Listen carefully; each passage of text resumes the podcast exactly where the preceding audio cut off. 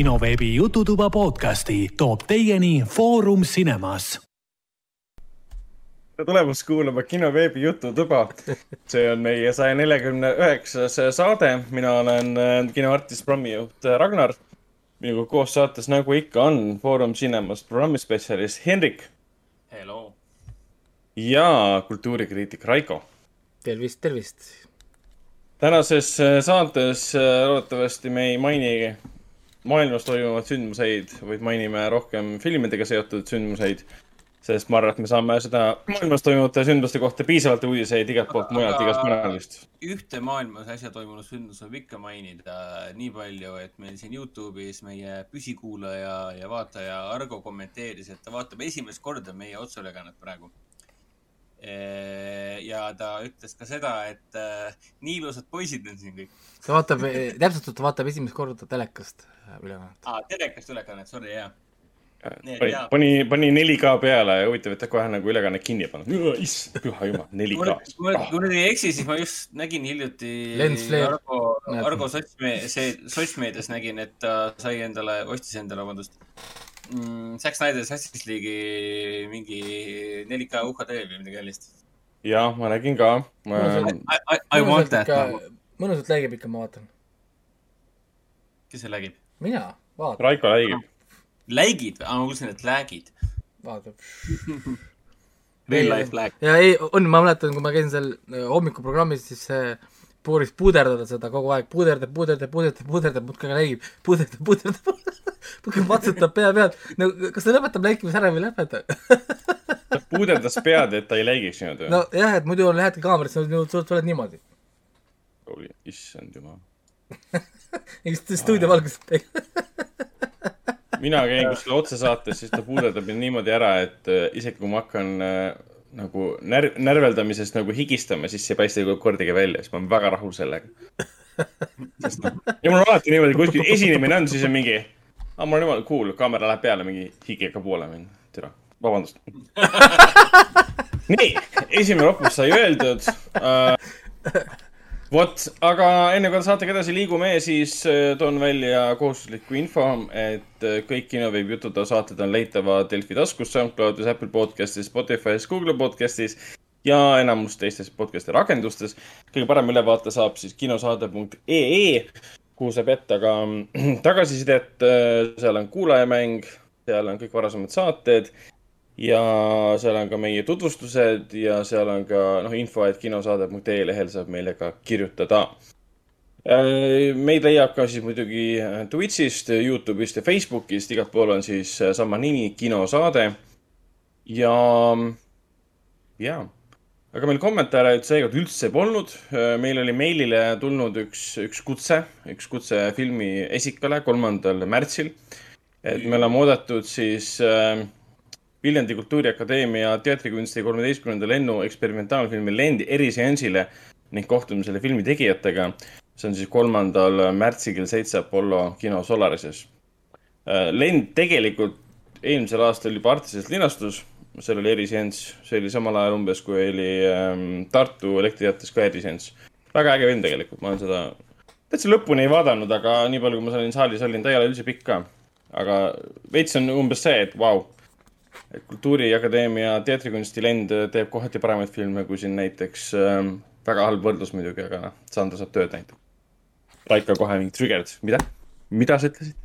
ei, see on õige, Sandra saab tööd, on filmimaailmas nagu Geopool on äh, lauamängumaailmas. no et, jah, täpselt. et annab äh, ikka teha sitemini, ütleme nii.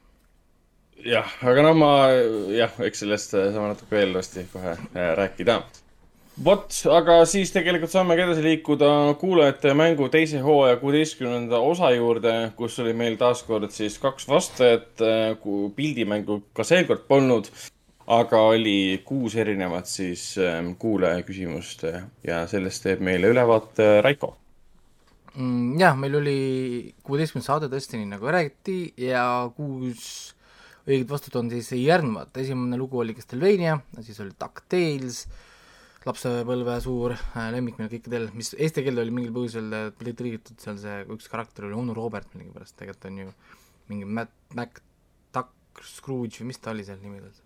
Mac Scrooge äh,, ei. Scrooge McDuck vist oli äkki või?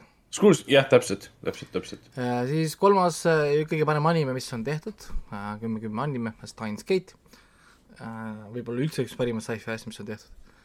Lilo and Stitch, siis The Witcher, ka üle prahi seriaal ja Full House, kus siis hiljuti üks näitlejatest otsustas, et on aeg minna ja ah,, ja meil ka Mardo ja Master Lex mõlemad vastasid õigesti, nüüd oleks vaja teada, kes nendest võitja tegelikult on. et äkki nüüd on see moment, kus kohas pannakse number üks või kaks näiteks, pannakse mulle siia äh, listi ah,. chati. ongi mul äh, vastus käes. Ja, ja niikaua, kui siin vastatakse kas üks või kaks, äh, ma vaatan juba valmis endal järgmise tänase mängu lood, milleks on mul siit juba välja valitud äh, järgmised kuus tükki. nii et äh, igal juhul äh, liigume siit kohe uue mängu juurde, vaatame, kas siis vahepeal ma saame ka siit mm, nu, numbrit pole tulnud muidugi. no kui, siis me jõuame sinnani ka veel, et keegi ilma ei jää ja kui numbrit ei tule, siis me teeme lihtsalt fifty-fifty ja leiame ühe siit, igal juhul keegi neist piletid saab. kaks mängu on jäänud, täna on seitseteist, järgmine nädal on viimane, siis on teine hooaeg läbi ja siis tükk aega tõenäoliselt seda mängu ei tule. Äh, millal kolmas tuleb, kas tuleb ja see sõltub kõik juba, kuidas, kas me üldse keegi enam midagi teeb peale järgmist nädalat, on juba ometi teema. aga number üks tuli ära, nii et Mardu saab piletid, congratulations, väga mugavalt, täpselt õigel ajal ja siit sujuvalt äh, liigume number oota, kas, kas sa, kas sa viitasid sellega, kas me üldse järgmine nädal midagi teeme, et, et nagu tuumasõda on tulemas või? ei noh, kui ikka inimesed hakkavad siis nuppe vajutama juba, noh, siis ei ole meil enam midagi teha siin. ei no kui vane, venelased enne tuumasõja alustamist veel Tšernobõli kaane ka pealt ära löövad, siis nagu tere tuumatalv, et noh, ma panen Metro Exoduse peale ja mõtlen, et kurat, Stalker kahte ei saanudki mängida ei no jah, mul, mul, mul täna mõtlesin, kurat, ma oleks pidanud oma kontori ehitama ikka pommivarjendina maa alla jah ja,, tegelikult küll et, et need ongi mistakes were made, et äh, oleks natuke eba, ebamugav kontoris käia, iga kord mingit luuki avada, on ju, kuskil õue peal. aga noh. võitled mingi mutantkoortega ja. et ma arvan, et see suvi äh, läheb punkrite ehitamine moodi, et inimesed hakkavad ostma känekaid ja päiksepaneeli asju ja värki on aeg, on aeg hakata minema, isoleerida ennast täielikult ja hakata self-sustaining nii-öelda aga no hea uudis on see, et kui anti-vaxxerid midagi ei usu, siis nemad on alati need esimesed, kes sinna kõigele vastu jooksevad, sest noh, seda pole olemas, pomme pole olemas ja värk. siis nemad katsetavad kõik asjad kohe ära meil, kas meil on kuskil radioaktiivsused ja värgid ei ole uh,. nii, esimene lugu läheb peale. Who will survive America? Few Americans, very few Negroes and no crackers at all. Who will survive America? few Americans, very few Negroes, and no crackers at all. Who will survive America? Very few Negroes, no crackers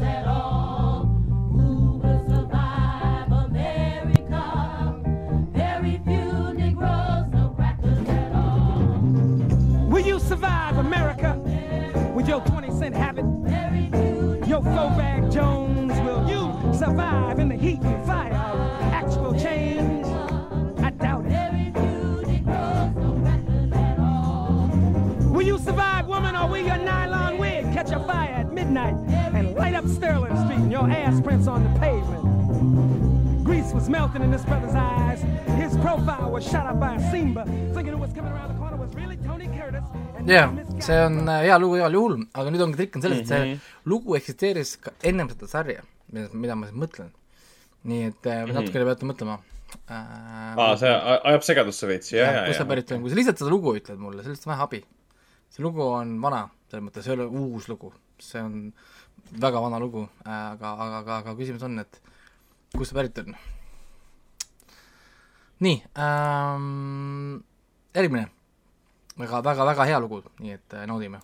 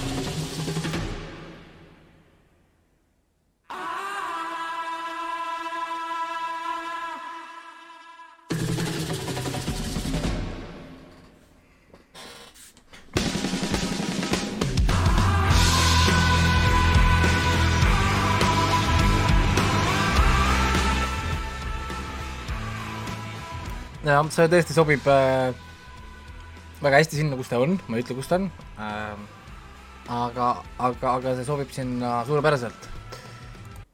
nii äh,, võtame number kolm, mis peaks olema väga easy peasy kõikide jaoks. ilma isegi pingutamata kõik, kõik peaks seda nüüd teadma. nii, kus ta nüüd mul hakkab siin?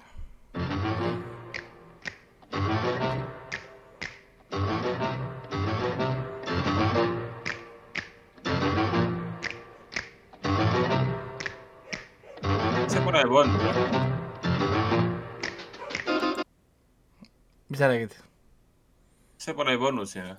Äh, mitte kuulajate mängus, vähemalt Okay. okay. mitte kuulajate mängu omas, saatemängu, saatejuhtide omas on ta küll olnud, jah. nii, liigume number äh, nelja juurde.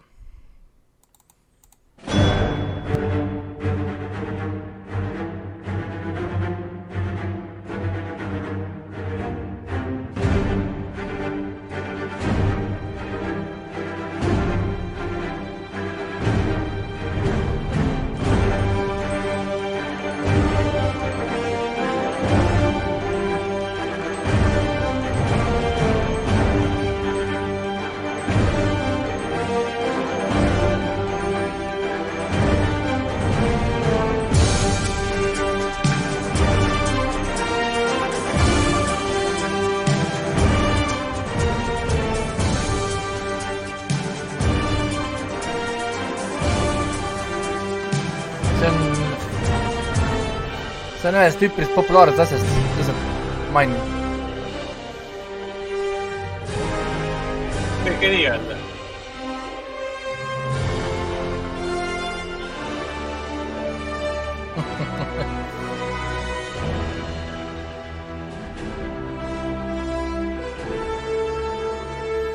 eks äh, loodetavasti me kuuleme seda peagi veel mingi hetk.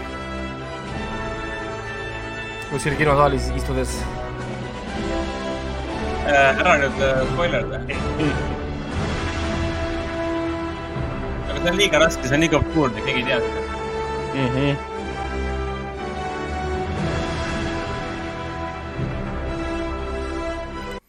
ja ei, seda ei tea jah, olgu äh,. nüüd on natuke raskem. number viis.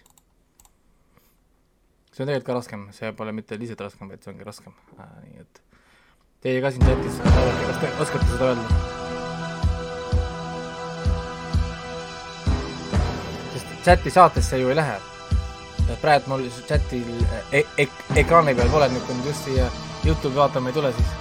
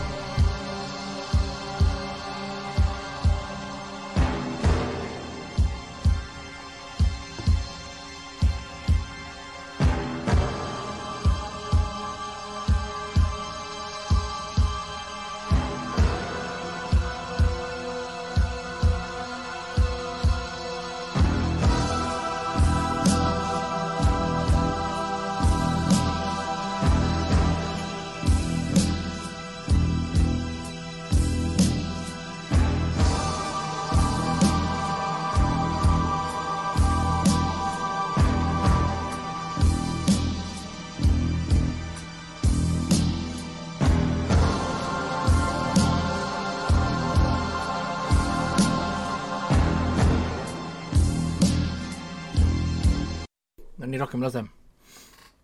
teema on, ma arvan, üpris tuttav, inimesed saavad aru, kuhu kanti läheb. no mis see tegelikult on? väga kahtlane. nii, ja nüüd viimane on natuke trikikas. see on jah, natuke trikikas, aga, aga kuulame.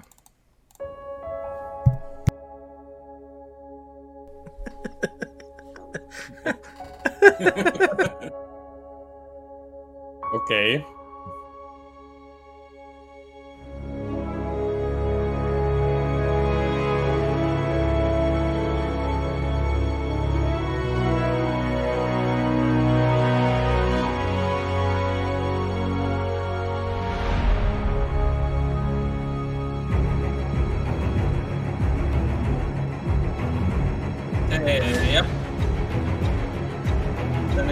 On üks, üks läbikukkunud, läbikukkunud film ja seeria mm. -hmm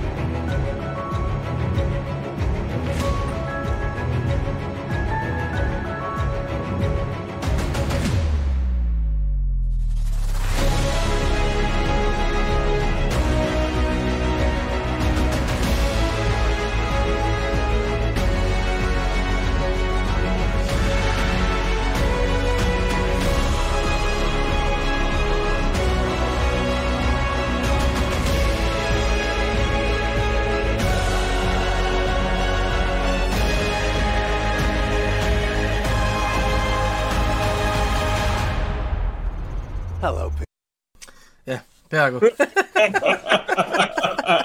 Aga vahet ei ole, sellepärast et aga niikuinii, niikuinii kõik teadsid. niikuinii, niikuinii, niikuinii kõik teadsid, mis seal oli. sihuke troll, sa oled hullem kui see mingi vene troll kuskil. Ah.. nii.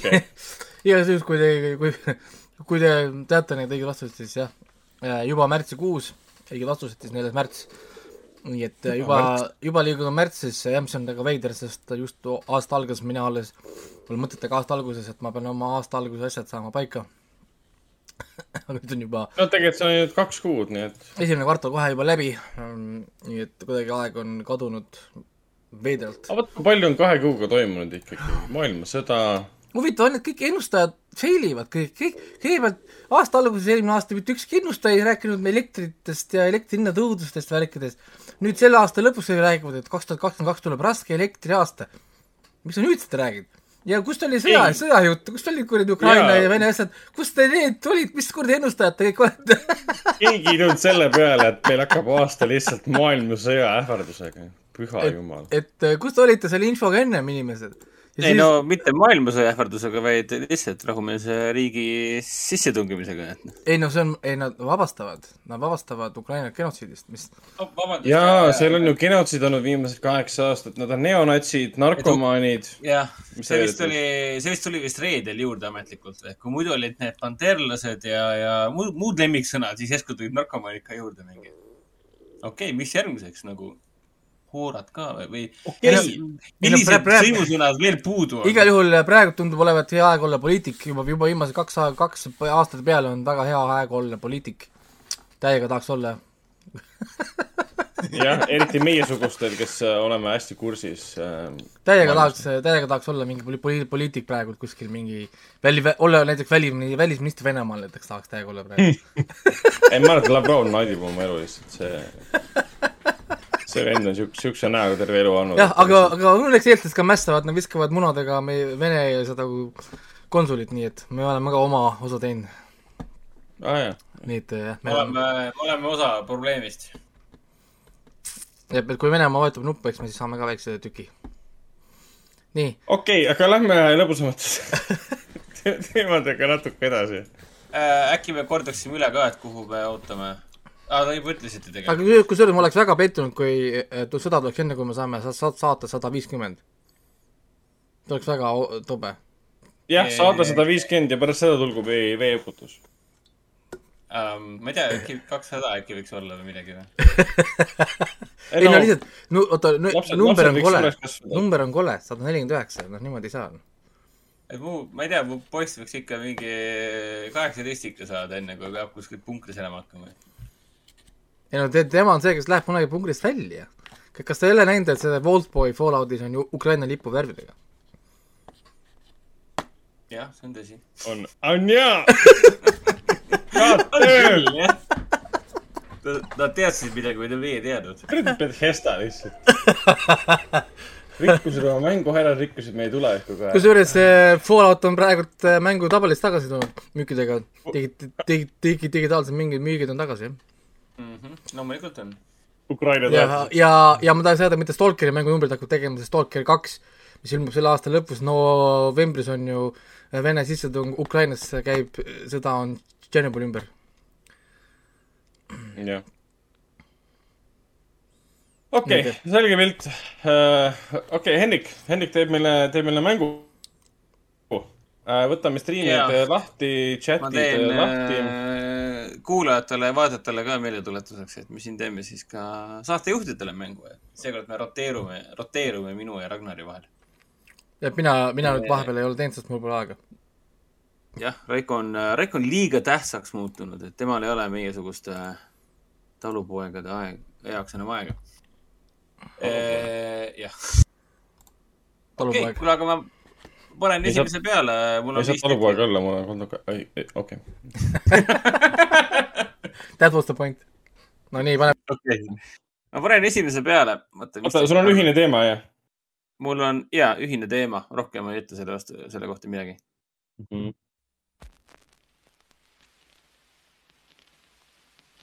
kuulete, jah?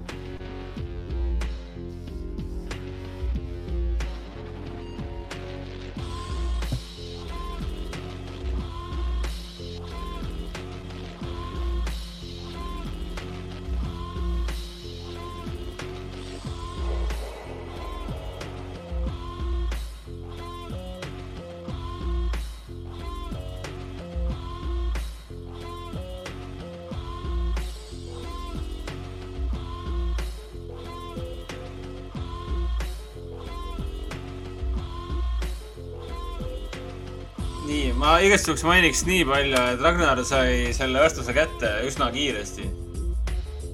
ma kahtlustan, et, ma kahtlustan, et sellepärast, et äh, see on vist jah, minu ja, minu ja Rag-, minu ja Ragnari lapsepõlve lemmikfilm.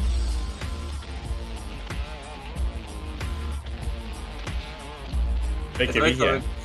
kui Raiko, Raiko, anna märku, kui sa tahad vihjet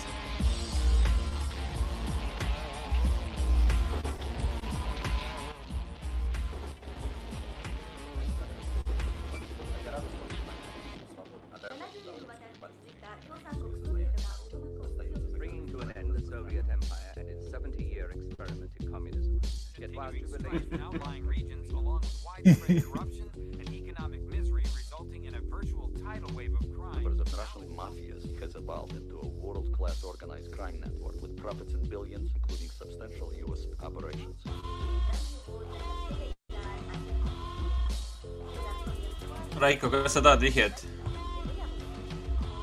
ma ei saa aru, mis film see on, kas ma olen, ma ei tea, kas ma olen üldse seda näinudki? ma arvan, et sa oled näinud. siin on liiga tunt-, see ei ole, see ei ole veel vihje et siin on liiga tuntud näitlejad, et mitte seda filmi näha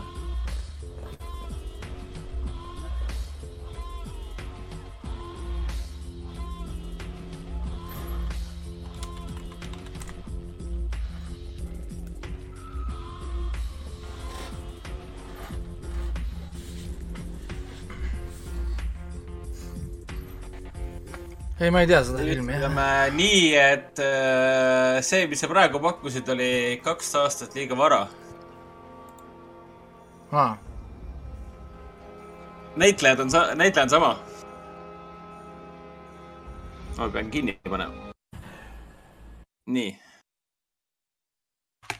et Raiko vahepeal tegi pakkumise, et kas see võiks olla Twelve Monkeys ja siis, kuna see on tehtud üheksakümmend viis, siis tegelikult see antud, antud film, mida küsin, on siis üheksakümmend seitse valminud hmm.. huvitav, mis ja, tal. ja, ja Bruce Willis on tõesti teemaga seal.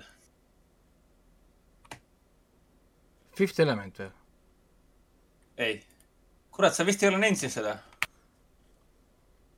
muidu sa registreeriksid tõenäoliselt selle ära ma arvan, et ma ei ole näinud seda, sest mul ei koitud üldse ühte, ükski asi sealt, mis nad rääkisid. pea, peaosatäitja on tegelikult äh, Richard Gere ja Bruce Willis. aa, The Jackal.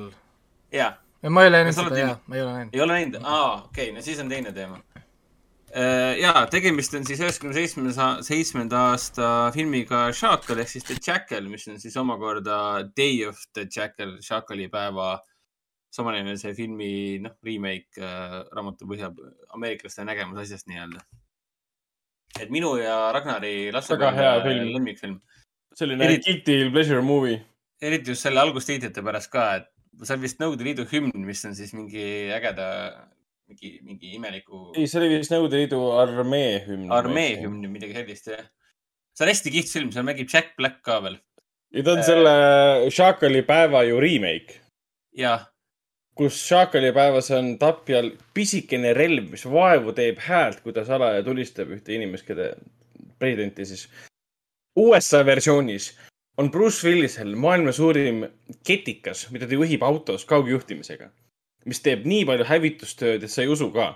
ja ameeriklased vaatasid, hmm, väike relv, aga see on hullult, äge film, kus mingi endine IRA kuradi agent aetakse vanglast välja, et siis koos Sydney Poitieriga ja ühe venelannat kehastanud äh, näitlejannaga siis äh, otsida üles äh, tapja ehk siis Bruce Willise kurikuulus šaakal.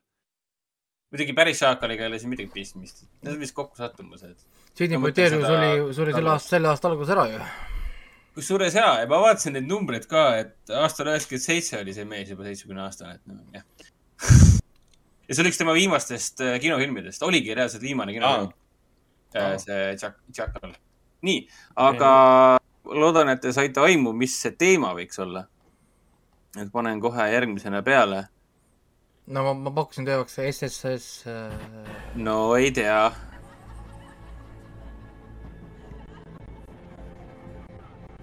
siin ma pean pausi panema.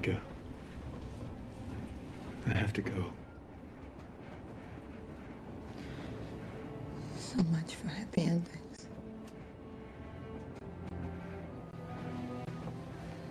I don't want you to do this. Velikov needs to die. I don't care about that. Not anymore. As long as he's alive, they will never stop looking for you.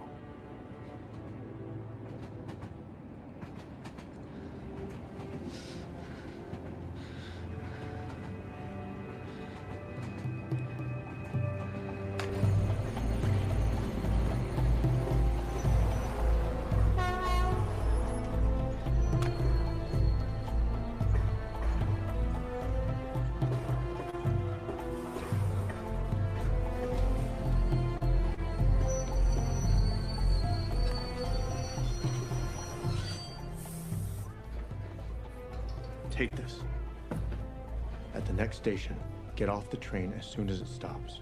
Move with the crowd. But I don't even know your name. The place I was raised, they didn't give us names, they gave us numbers. nii, rohkem ma ei saa edasi anda. aa, mine pekki, see lõpp oli olemas. selge. ja mõlemad panite õieti, tegemist on äh,, issand, mis aasta film see oli, igatahes Timothy Olifanti versioon sellest äh, Hitmanist. Mõlemad saite punktid kirja äh,. ma sain aru, et Olifanti hääle tundsite kohe ära, jah? ma sain kohe Olifanti häälest aru, et see on tema. ja siis ütles Bellikov ka, siis mul tuli meelde. see oli mis aastal, see oli kaks tuhat ähm,, see oli, kole film oli see, jube film. kaks tuhat viisteist tehti üks veel. kaks tuhat seitse tehti see. Kaks tuhat seitse, ma käisin seda kinos vaatamas. issand, kui ammu tegelikult. ma, ma ei ole seda 15 aastat tagasi. varianti, jaa, kohutavalt ammu. ja ma ei ole seda uut versiooni vaadanudki. et see on kaks korda ka. nad on püüdnud sellest seeriast midagi teha ja tundub, et ei oska. kui, kui ei oska, siis ei ole vaja. kui, kui see minu arust Hitmanile kõige lähemal oli see äh,, mis see oli, Meat Train või mis, kus oli see vend seal mõrvast, mõrvas neid rongis seal rahvast?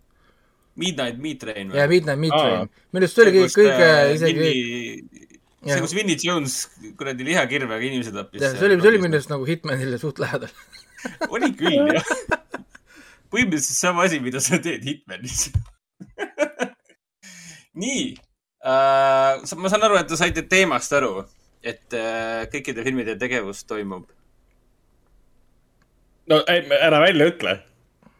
sest me kirjutame Võtad- sulle aa, okei, okei, okei, okei, nii, kolmas. okei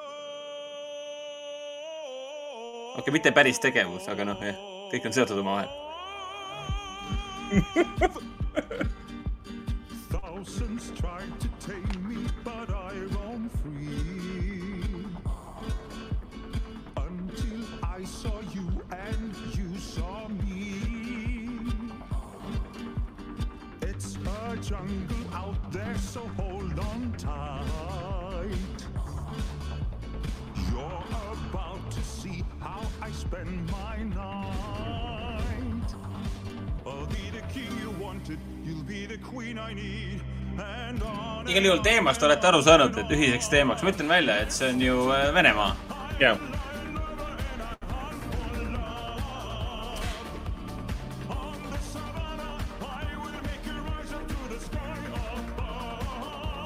ma olen seda filmi liiga palju vaadanud. jep. no nii, Raiko.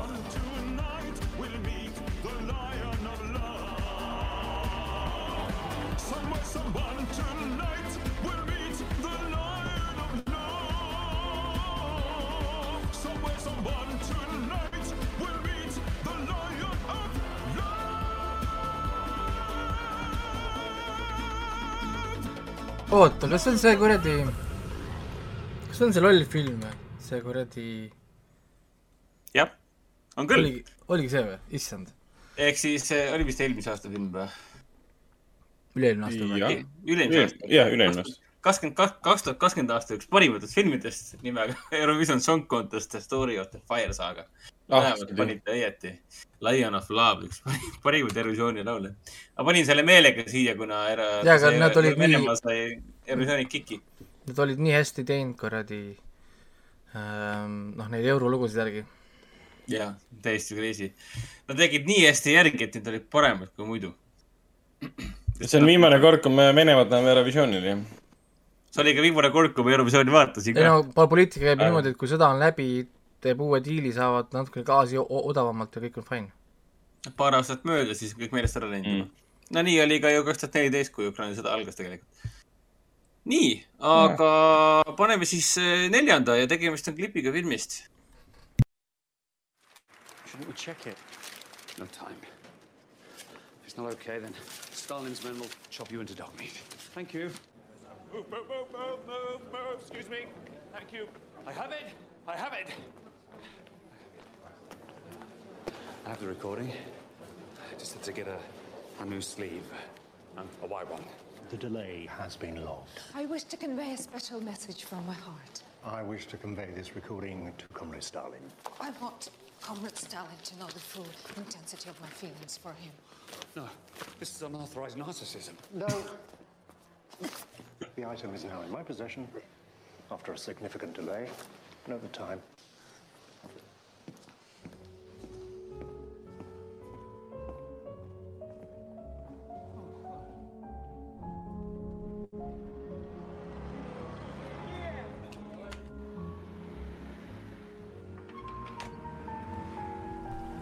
ei, kui, kui ei kujuta ette praegu. kindlasti näinud seda. What took you so long? You fucking walk here.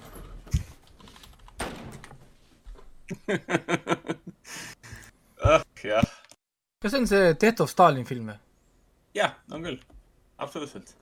Ja ma ei ole näinud seda, ma lihtsalt äh, pakkusin, sest äh, ta Aa. äkki, äkki või võib-olla see, see on, see kõlas selgelt komöödiafilm ja palju saab olla komöödiafilme, kus on see Stalin.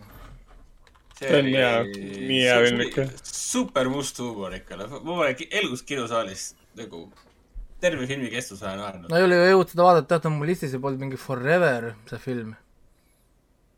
sama, sama tegija, kes selle äh, graafilise romaani, novelli vist tegi, ta on teinud ka selle tsaari surma, kui ma nüüd ei eksi. aga minu, minu teada Ian Nutsi ei, ei plaani äh, teha ka.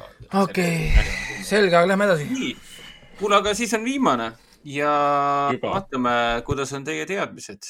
see on siis äh, muusika.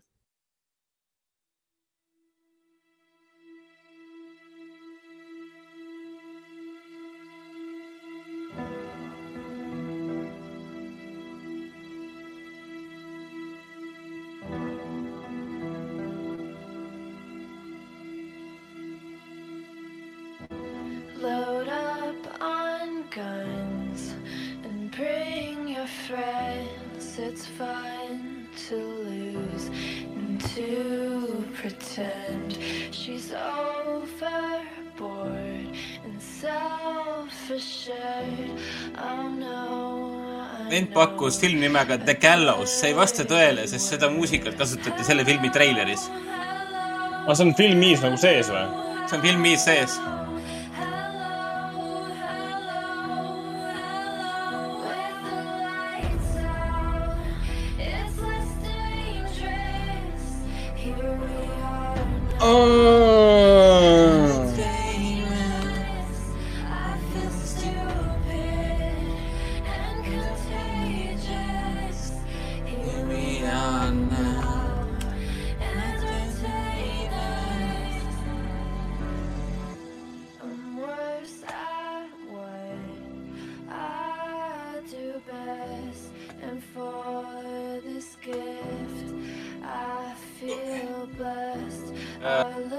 The light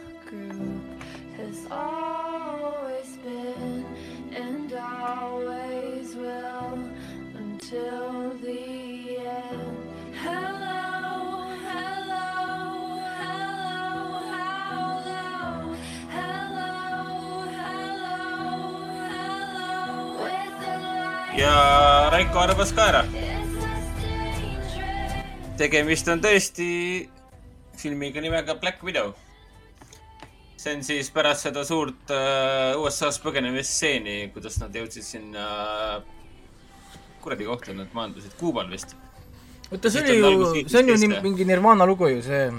jaa, see on Smells, Smells like Teen Spirit. aa, see Kas Team ta- Spirit jah, okei, jah, jah.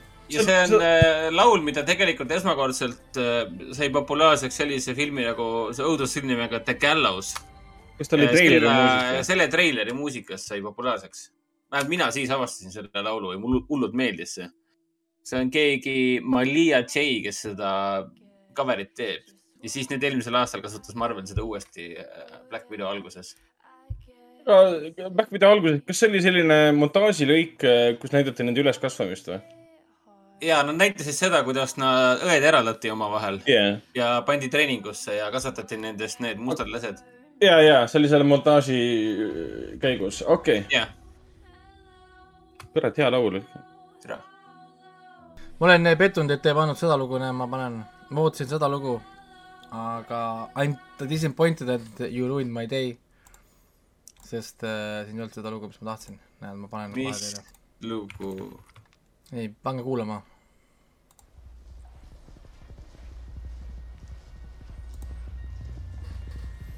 kui sa ütlesid teema mulle, see lugu, ma mõtlesin, et see on tulemas kohe.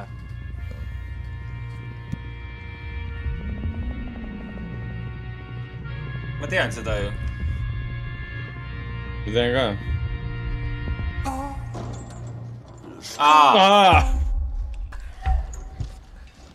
Volkanov, kapten Volkanovi põgenemise lõpulaul. see on ikka nii litt laul. on. see oli Short Barry, päris. päris hea.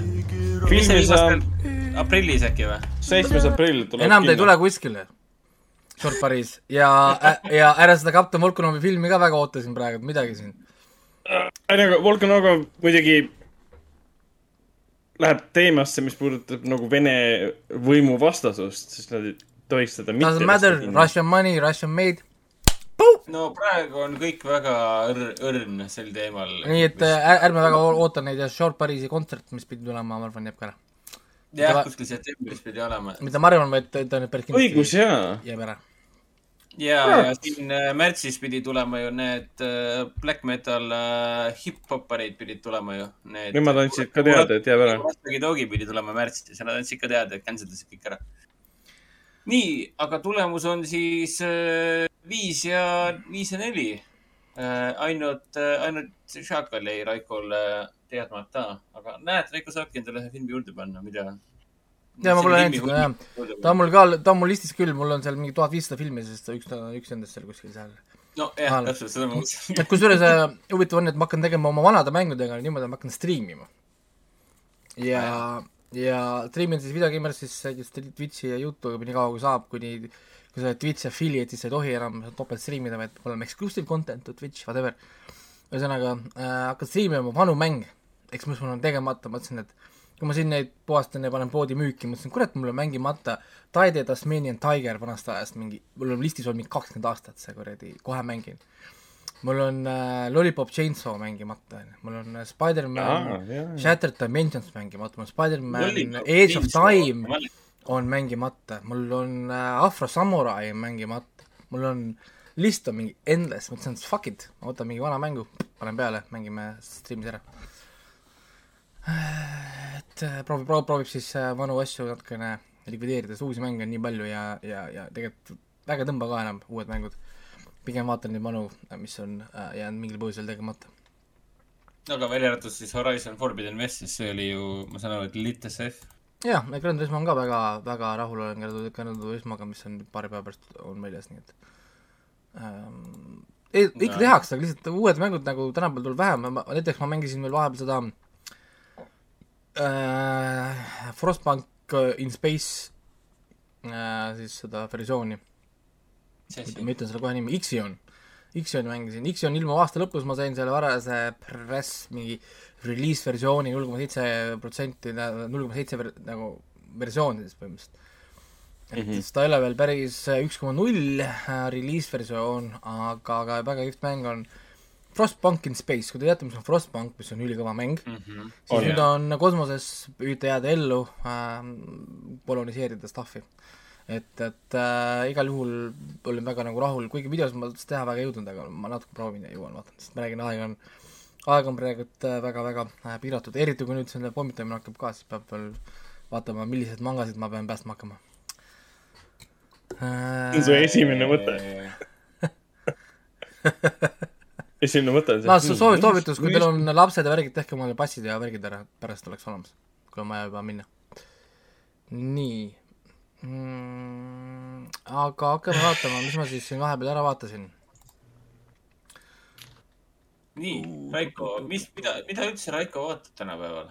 mida ta üldse jõuab vaadata? anime, mis mul taustal jookseb kõik, mida ma vaatan äh,. Ah, ma vaatasin üks, üks, üks asi, mida tahaks enne mainida, on see, et see, sorry, et ma selline inimene olen, aga aga, aga see Black Widow on ikka väga hea Marveli film, et see on minu eel,, eelmisel aastal tehti nagu kaks head Marveli filmi, üks neist oli Black Widow ja teine oli siis äh, Spider-man. mul on ainult helged mälestused selle filmiga seoses. igatahes jätke nüüd ta oli, ta oli meeldejäävam film kui Shang-Chi, Shang-Chi'st ma mäletan lõpus draakonit.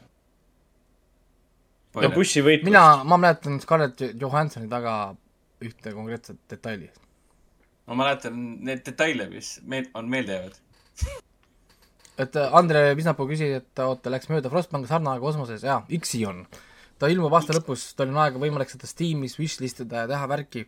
Ma paar gameplay videot lükkan videogame'is üles ka, kui ma neid jõuan äh, natukene kattida, sest seal on content'i, mida ei tohi üles lasta, siis sa pead olema hästi ettevaatlik nende läksin lõika- juba lõikamistega. ei, ma ei ole jõudnud väga lõigata, lõigata veel. Hästi. ja ei, mäng on, mäng on tore, kui ma pean, hästi palju paagi muidugi oli ka, selles mõttes ma räägin, ma pean lõikama stuff'i välja. aga, aga, aga mis ma vaatasin, ma vaatasin lõpuni Space Force äh, hooaja siis, ma lasin lõpuni ära. Aga Oi. muidugi seda nimetada hooajaks on jälle niisugune nagu pool tundi, seitse episoodi. ja siis kolm ja pool tundi, meie kuradi üks saade on terve Space Force'i hooaeg. see on nagu see, et äh, nagu, nagu noh äh,, nimetaks seda hooajaks, meil on siis mitmes saja neljakümne üheksas hooaeg praegu. et noh, what the, noh, what the, what the heck ähm,. vähe content'i, aga ma naersin küll. tegelikult äh, naersin omajagu tegelikult siin ja seal, ta ei ole küll nagu mingi üdini naljakas, umbes nagu ma ei tea, mingi Friends või, või mingi, mingi Brooklyn Nine-Nine, whatever. Aga ta on piisavalt naljakas ikkagist, et nagu ma kinni paneks, vaata. et äh, selline, nagu nagu nalja nad viskavad ikka seal äh, niisuguseid huvitavaid pärle ja ja kõik natuke saavad, aga nad ei ikkagi päris nii julged ei ole, et ma olen mingi Family Guy'd ja sellist, sellist stuff'i teha. aga noh, aga see Star, Star Power, Star Power nagu hoiab ikka, hoiab ikka vee peal nii-öelda. hoiab Malkovitš ja Carrel. no Malkovitš on nii naljakas ikka vahepeal, et ma ei saa lihtsalt, miks ta nagu noh, kuidas see, kuidas inimene esiteks üldse nagu näitlejaks sai ja siis äh, teiseks, miks ta nagu nii hästi nagu teeb seda. naudib oma elu. Okei, väga hea. mul on, ikka plaan see lõpuks lõp,, lõpuni mängida.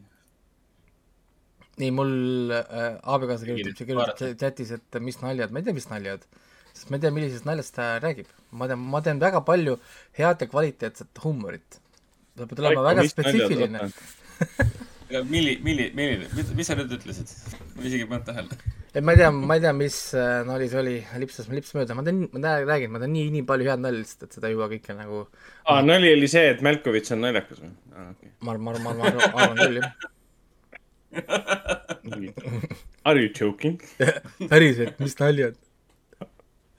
Siis äh, sel äh, vaatasin lõpuni, siis ma vaatasin äh, Vikings Valhalla, aga ma räägin sellest natukene, natukese aja pärast. ennem tahaks rääkida Downfall, The Case Against Boeing, mis oli siis Netflixi nüüd alles Mm. värskelt äh, dokumentaalfilm, mis räägib siis Boeing äh, seitse, seitse, seitse Max vist oli see, ei seitse, kaheksa, seitse või seitse, üheksa, seitse Max, ühesõnaga ma juba ei mäleta, milline konkreetne Boeing mudel see oli mis oli natuke vigane, siin oli see Malaisia, Malaisia lennukrash ja siis oli Aafrikas lennukrash, pooleaastase vahega kaks Boeingi lennukit kukkusid alla.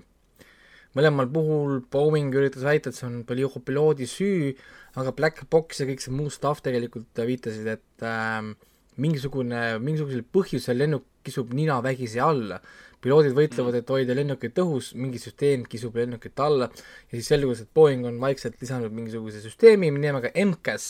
Nad pole kellelegi maininud, et see süsteem seal on ja selle MCAS-i süsteemi idee oli siis hoida kütust kokku, kui äh, lennuk hakkab drag ima, siis nina on liiga üleval, surub lennuki lina natukene alla, et oleks aerodünaamilisem ja läheks vähem kütust aga kui sensor on viga või sensor saab viga, noh, sensor sai siis viga lennukitel või üks sensor kontrollis tervet MKS süsteemi, sensor väitis, et lennuki nina on üleval, süsteem hakkab nina alla suruma, ehk siis sõna otseses mõttes hakkab maapoole ruttama, siis äh, piloot peab võitlema automaatse MKS süsteemiga, mis ei toimi ja piloodid kaotavad ja lennukid põrutavad otse maasse. Ja sellest räägibki siis dokumentaalfilm, kuidas see juhtus, miks see juhtus, kohtu case Boeingu vastu ähm, ja kuidas Boeing läks maailma suurimast lennukitootjast äh, või niisuguseks kõrvalisemaks natukene häbistatud lennukitootjaks. ja põhiline põhjus, miks ta oligi, oligi see, et konkurents sundis äh, Boeingit lõikama äh, nagu öelda nagu shortcut'e tegema siis või nagu kurve, kurve natukene lõikama sirgeks, sirgeks. ja, ja konkurendiks oli siis Airbus, Euroopa suur äh, lennutootja, kes oli tehnoloogiliselt parem kui Boeing, nad olid kiiremini ehitasid, nad ehitasid paremaid lennukeid kui Boeing. Ja Boeingil oli, oli surve äh, tõestada äh,, tõestada äh, ja, ja, ja näidata nii-öelda, et nad on endiselt veel parim tipus. Ja siis nad olid just nagu uue mudeli välja andnud põhimõtteliselt või noh, nagu valmis teinud selle uue lennuki mudeli, aga see uus lennuki mudel ei olnud nii hea, kui oli Airbusi oma. Airbusi oma oli ma ei tea, üks kiirem, ta oli mingi kergem, ta oli väheti vähem kütust ja see kütusesäästlikkus on tohutult oluline, sest me räägime masinatest, mis neelavad kütust nagu massiivselt. kui sa näiteks kümme protsenti hoiad kütust kokku, sa hoiad kokku miljoneid ja miljoneid eurosid. nagu, ja et sellega võistelda äh,, nad nii-öelda pidid põl-, üle põlve disainisid lennukit ümber äh,. raskuskeskel muutsid seal raskus, raskuskesesid, kasutades vanu mootoreid uue lennuki peal, mis olid liiga rasked tegelikult lennuki jaoks, et kõike seda protsessi tasakaalustada, nad tegid siis mingisuguse MKS süsteemi, ma tõenäoliselt siin panen te- te- tehnoloogiates asjades väga puusse tõenäoliselt, tõenäoliselt uh, not my thing, aga ühesõnaga see MKS süsteem pidi olema nagu see teema ja siis nad üritasid nii-öelda nagu asja kiiremaks teha, sellepärast et ähm, kuna Airbus ei pidanud enam piloote juurde koolitama, siis tegelikult on olemas seadus, nii-öelda see rahvusvaheliselt siis see lennukontroll või kuidas nad seda nimetavad, on seadus, et iga kord, kui sa teed uue asja, uue tehnoloogia sisestad lennukitesse mis iganes viisil, on sinu kohustus lennuki piloote koolitada. noh, no neid nagu nii-öelda. aga nemad natukene sõnastasid seda MKS süsteemi natukene teisiti ja nii-öelda nagu lipsasid siis nagu läbi selle kontrolli, et seda ei pea nagu kellelegi ütlema või umbes, et sa ei pea kedagi koolitama sellest süsteemist. ja tulemuseks oligi see, et kui esimest korda piloot kohtas seda süsteemi, mis hakkas siis vägisi nina alla kiskuma, ta polnud, ta ei teadnud, mis asi see lennukis lampi tema nina alla kisub äh,, tal ei osanud sellega nagu toime tulla. ta ei osanud mitte midagi mm -hmm. nagu teha sellega. ja siis nad väitsidki, et see on piloodi süü Äh, ja siis pool aastat hiljem, nüüd nad, kui olid juba piloodid koolitatud MCAS süsteemis välja ja nad lülitasid selle välja peale seda, kui see hakkas nina vägisi alla kiskuma, oli liiga hilja, sellepärast et äh, kiirus oli juba liiga suur, et lennuk üle enam kontrolli saada ja lennuk pani ikkagi vastu maad.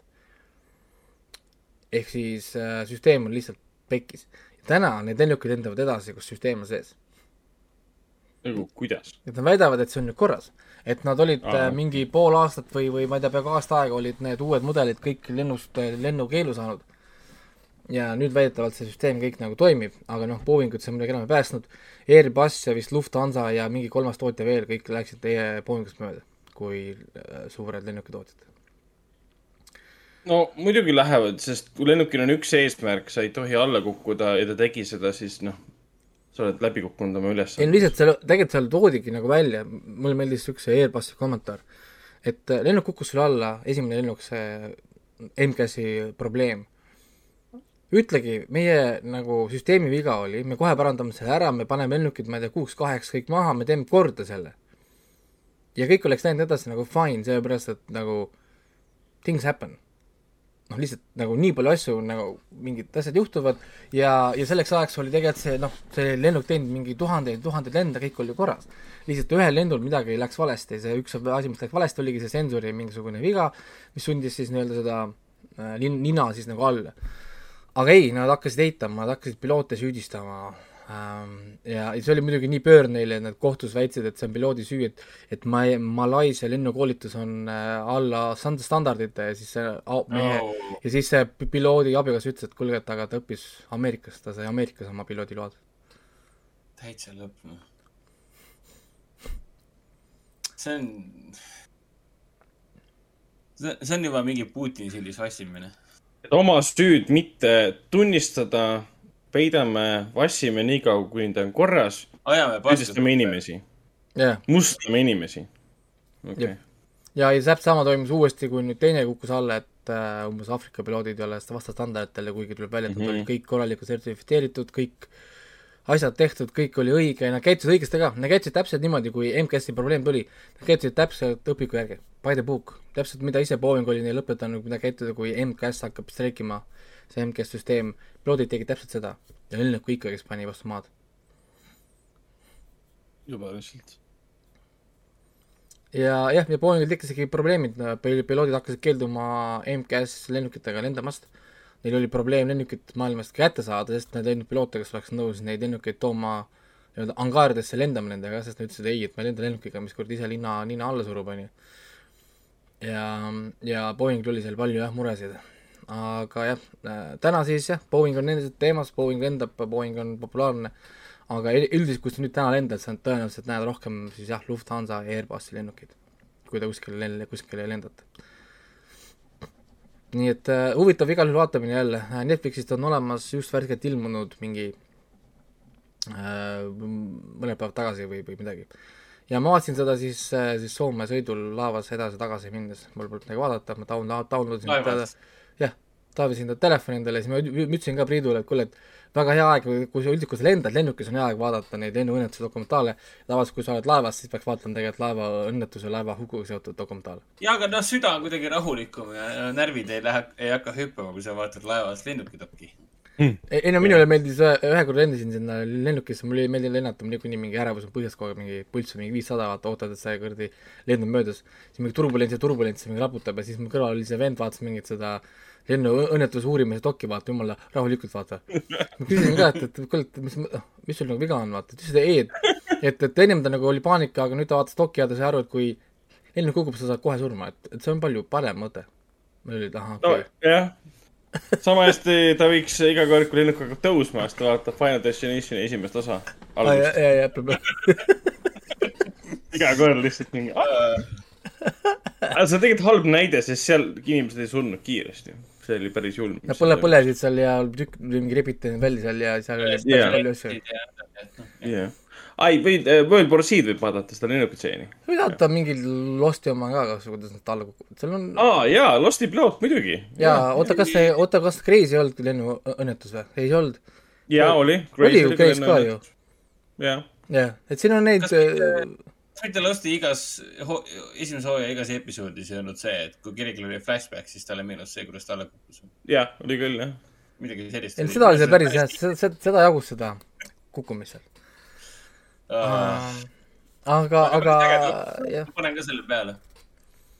igal juhul jaa, hea dokumentaalfilm ja ma igasuguselt mainin üle, et ma rääkisin siis Downfall, The Case Against Boeing. ja see pole ainult nagu kohtu case'ist, vaid ka Boeingust üldse, kuidas Boeing tuli, millal Bo- Boeing populaarsuse sai, mina näiteks sain teada, et Boeing seitse neli seitse tuli juba kuuekümnendatel äh,. no nii-öelda nagu kuulus lennuk, mida me kõik oleme teadnud ja kuulnud ja näinud, onju ja, ja samuti oli uudis ka, et, et ongi, et Airbus on nii suur tegija, mina mõtlesin, et Airbus on mingi noh, Euroopa mingi väike business.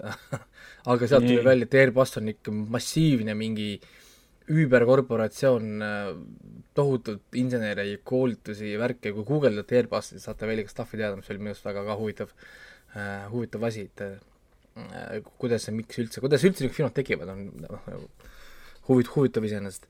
Siis äh, hakkasin vaatama ühte animet, mida kõik räägivad, kiidavad, IMDB-s üheksa punkt null hindega anime.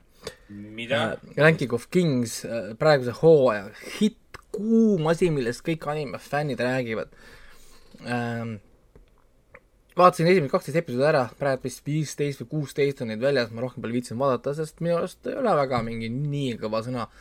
aga ma saan aru, miks võib-olla see inimestele meeldib, sest esiteks punkt üks, ta ei ole isekai, onju, ehk siis äh, me saame puhata natukene ise, isekaist äh, selles mõttes ähm,. teiseks ta on midagi teistsugust, me ei ole harjunud võib-olla enam sellega, et peategelane ei ole kogu aeg kõige tugevam ja siis see lugu on selline, et seal on mingisugune kuningriik äh,, kus kohas äh, kuningas, kuningatele antakse nagu ranking ud siis vastavalt sellele, kuidas nad on nagu oma, kuidas nad hakkama saavad erinevatel kuningriikidel, ehk siis hence the name ranking of kings. ja siis kõige parem kuningas, number üks kuningas, suur hiiglane, sureb nagu ära ja ta pärandab oma kuningriigi oma pojale, kes on millegipärast hästi väikene, ta pole kasvanud suureks ikka veel, ta on pisikest kasvu nagu väikene, nagu ma ei tea, noh nagu pisikene, ta ei ole nagu umbes käepõs või midagi, ta on lihtsalt nagu pisikene nagu niisugune mini, mini-inimene, ta ei räägi, ta on kurt. eks ta on nagu kurt ja tumm nii-öelda. Ja ta on füüsiliselt hästi nagu nõrk, ehk siis tal on kõik asjad puudu, mis tema nii-öelda isal siis oli, kes oli hiiglane ühe, ühe, ühe käega oli müür pikali ja whatever, onju. ja räägib siis temast nagu lugu. tema nagu story on see, see on niisugune südamlik õppimise lugu ja näitab, et kuningas olemine ei ole ainult füüsiline ja muu power, sul on vaja võib-olla midagi muud äh,. Ehk jah, viisteist, kuusteist, seitseteist, midagi sellist episoodi on praegu väljas äh,, kõik vaatavad seda, Crunchyrollis tasuta olemas, minge vaadake, ingliskeelne taab, whatever taabid äh, jaapani keeles, hiina keeles, ma ei tea, keel, keel seal peaks olema küll. Vene keelt vist, vist, vist, vist enam ei ole, sest Crunchyroll äh,, ma saan aru, pani kinni, aga see selleks ähm,. Nii äh,, siis ma vaatasin järgmise animet, millel on hästi lühike nimi, milleks on Banished from the heroes party, I decided to live a quiet life in the countryside ähm,. Holy shit. sa, nagu, sa saad mingi terve loo see on nagu story, see on, see on, see ei ole pealkiri, see on logline, see on, see on pikem kui tagline. logline. Ja see on mingi tagline. see on nagu tagline põhimõtteliselt, see on re- reklaamlause filmile. see ei ole pealkiri. Aga jah, nendel on teistmoodi, vaata, kui sa saad Jaapani äh, kanjidega kirjutada, sa saad nagu lühidalt päris palju infot anda, meie ei saa, me peame nii-öelda nagu lahti kirjutama äh,. siis see täpselt nii nagu pealkiri ütleski, pealkiri on Banished from the heroes party, I decided to live a quiet life in the countryside. Exactly like that, ehk siis sellest see ongi äh,. lugu algab sellega, et üks äh, nii-öelda nagu k- hero see on nagu selle suure kangelase kõige võimsama võitleja siis nagu see paarti, mis on eesti keeles paarti, seltskond või? või ma ei tea, nagu mingi kaaskond või? kaaskond või, või meeskond või mida siin nagu mõeldakse tegelikult. midagi sellist, ütleme kaaskonnas Jah. oli siis üks äh,, ma ei tea, jumala nime ei mäleta, ka üks nagu kaasvõitleja, kes Banish, Banish sai Banish või mis on, eesti keelt mul vaja nüüd appi, tulge mulle. kus, kuidas on Banish eesti keeles? Banish Ähm, või? välja tõugatud või Page-, pagendatud. välja heidetud? Pagendatud, pagendatud. ja ta page- pagendati, sest ta väidetavalt ei ole enam piisavalt hea äh, või no oskused pole enam piisavalt kõrged, et olla nii-öelda nagu seltskonda äh, kaasa haaratud. point on muidugi selles, et tema, see kangelane on tema õde, noorem õde, aga noh, see selleks. Ja tema siis loobubki, ta läheb vaikselt minema, mängib, et ta sai nagu surma või kadus, läks nagu kaotsi ja kolib ühte väiksesse linna ja hakkab seal siis nii-öelda nagu märkamatuna lihtsalt korjama taimi ja, ja avab oma nagu apteegipoe või niisuguse noh, nagu niisuguse väikse meie meditsiiniputkakese ja tahab rahulikku ele-, elu elada. aga vaikselt ikka sündmused jõuavad talle järgi ja ta on natuke sunnitud oma oskuseid kasutama ja noh, võrreldes mis iganes muu keskmisega, ta on ikkagist äärmiselt, äärmiselt, äärmiselt tugev, lihtsalt võib-olla mitte nii, nii tugev kui mingi maailma suurimad, paremad kangelased seal, aga jah, ikkagist nagu üle nagu prahi, ütleme siis nii. ja sellise lugu nagu ongi, aga see on romantiline anime, ma ju hoiatan see ette, et see ei ole action anime, vaid see on romantiline anime, see räägib, räägib kahe inimese ma ei tea, üksteise leidmisest äh,, äh, romantsi ja muud stuff'i siin ka.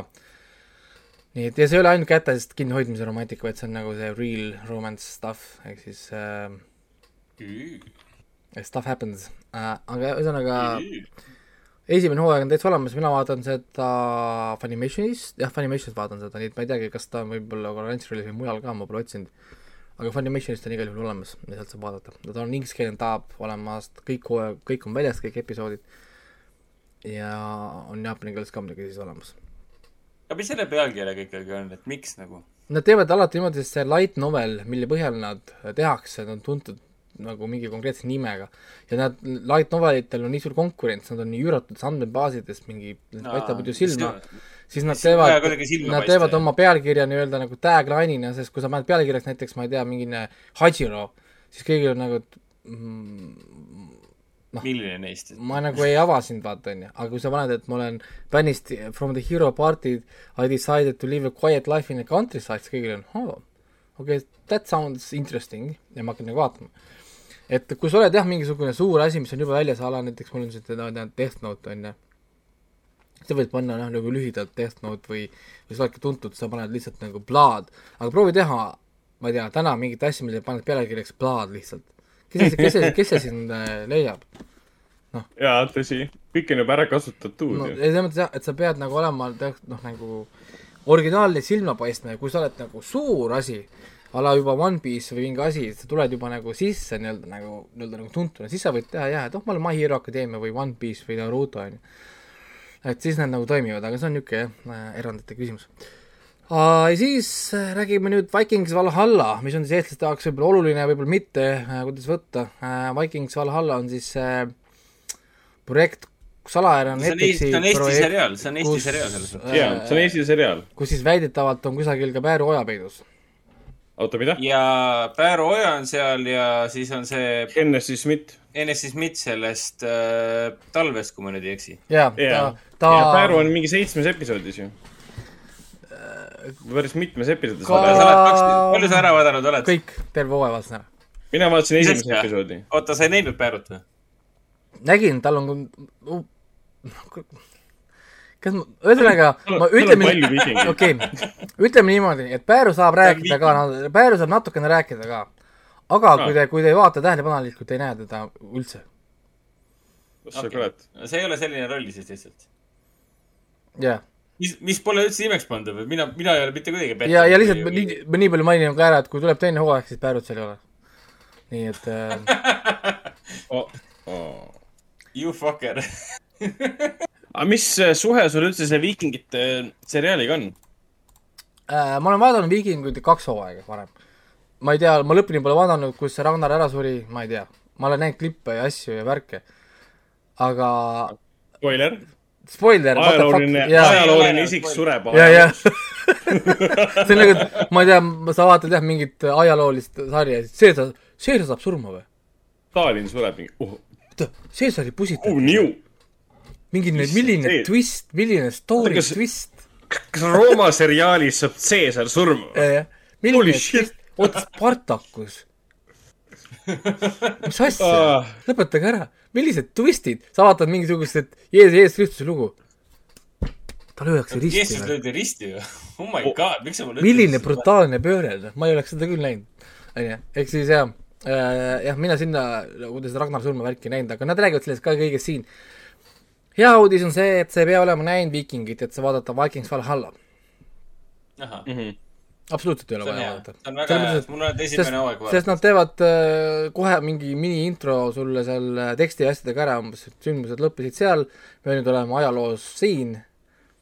mingi sada aastat hiljem ju lausa tegelikult. jaa, et nad vahed on nii vahed on nii pikad juba, et nad korraks mainivad seda Ragnari saavutusi seal ka umbes, et oh, et see on parem saavutus meil kui see Ragnari umbes see, see, see. aga jah, see, see, no ütleme, aga kui võrreldes ütleme nüüd Vikingit ja Vikings Valhalla, siis see Vikings on nagu väga intensiivne, ma Vikingsit võrdleksin isegi, ma ei tea, mis on niisugune väga intensiivne sari äh,, Raised by the Wolves võib-olla isegi oli minu arust ka väga intensiivne, ta ei olnud väga tempokas, aga ta oli intensiivne selles mõttes. pingeline. Tuletage meelde, et me peaksime Raised by the Wolves'i vaatama teist hooaega. ja, ja Jaa. siis äh, Vikings nagu oli nagu sarnaselt niisugune kogu aeg, ta ei olnud mingi tempokas, aga kogu aeg nagu mingi nagu stuff, kogu aeg mingi pinge, mingi asi, siis äh, Vikings Valhalla seda ei ole äh,. neli esimest hooaega on põnevad, sa vaatad lihtsalt põnevusega, sest siin on see mm, Inglise invasion toimub, see, see on story, storyline, see ei ole mingi spoiler. Aga sealt edasi, need viimased, viimased neli episoodi on niisugune möh, kõige ütleme siis nii, sest tegelikult nad ei paku midagi nagu eriti uut midagi nagu, kuidagi nagu jookseb kinni. Ja muutub nagu igavaks, et sinna momendini, et, et hakkasin siin muid asju tegema ja, ja jätsin ta kõrvale mängima, sest mind enam ei huvitanud.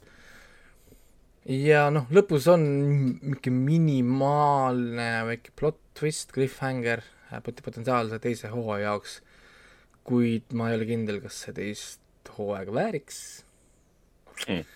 see on nüüd no tõenäoliselt ta saab seda ikkagi, kuna ta on vist nagu üks Netflixi flagship idest. Rotten Tomatoes ma vaatasin ta sada protsenti hetkel.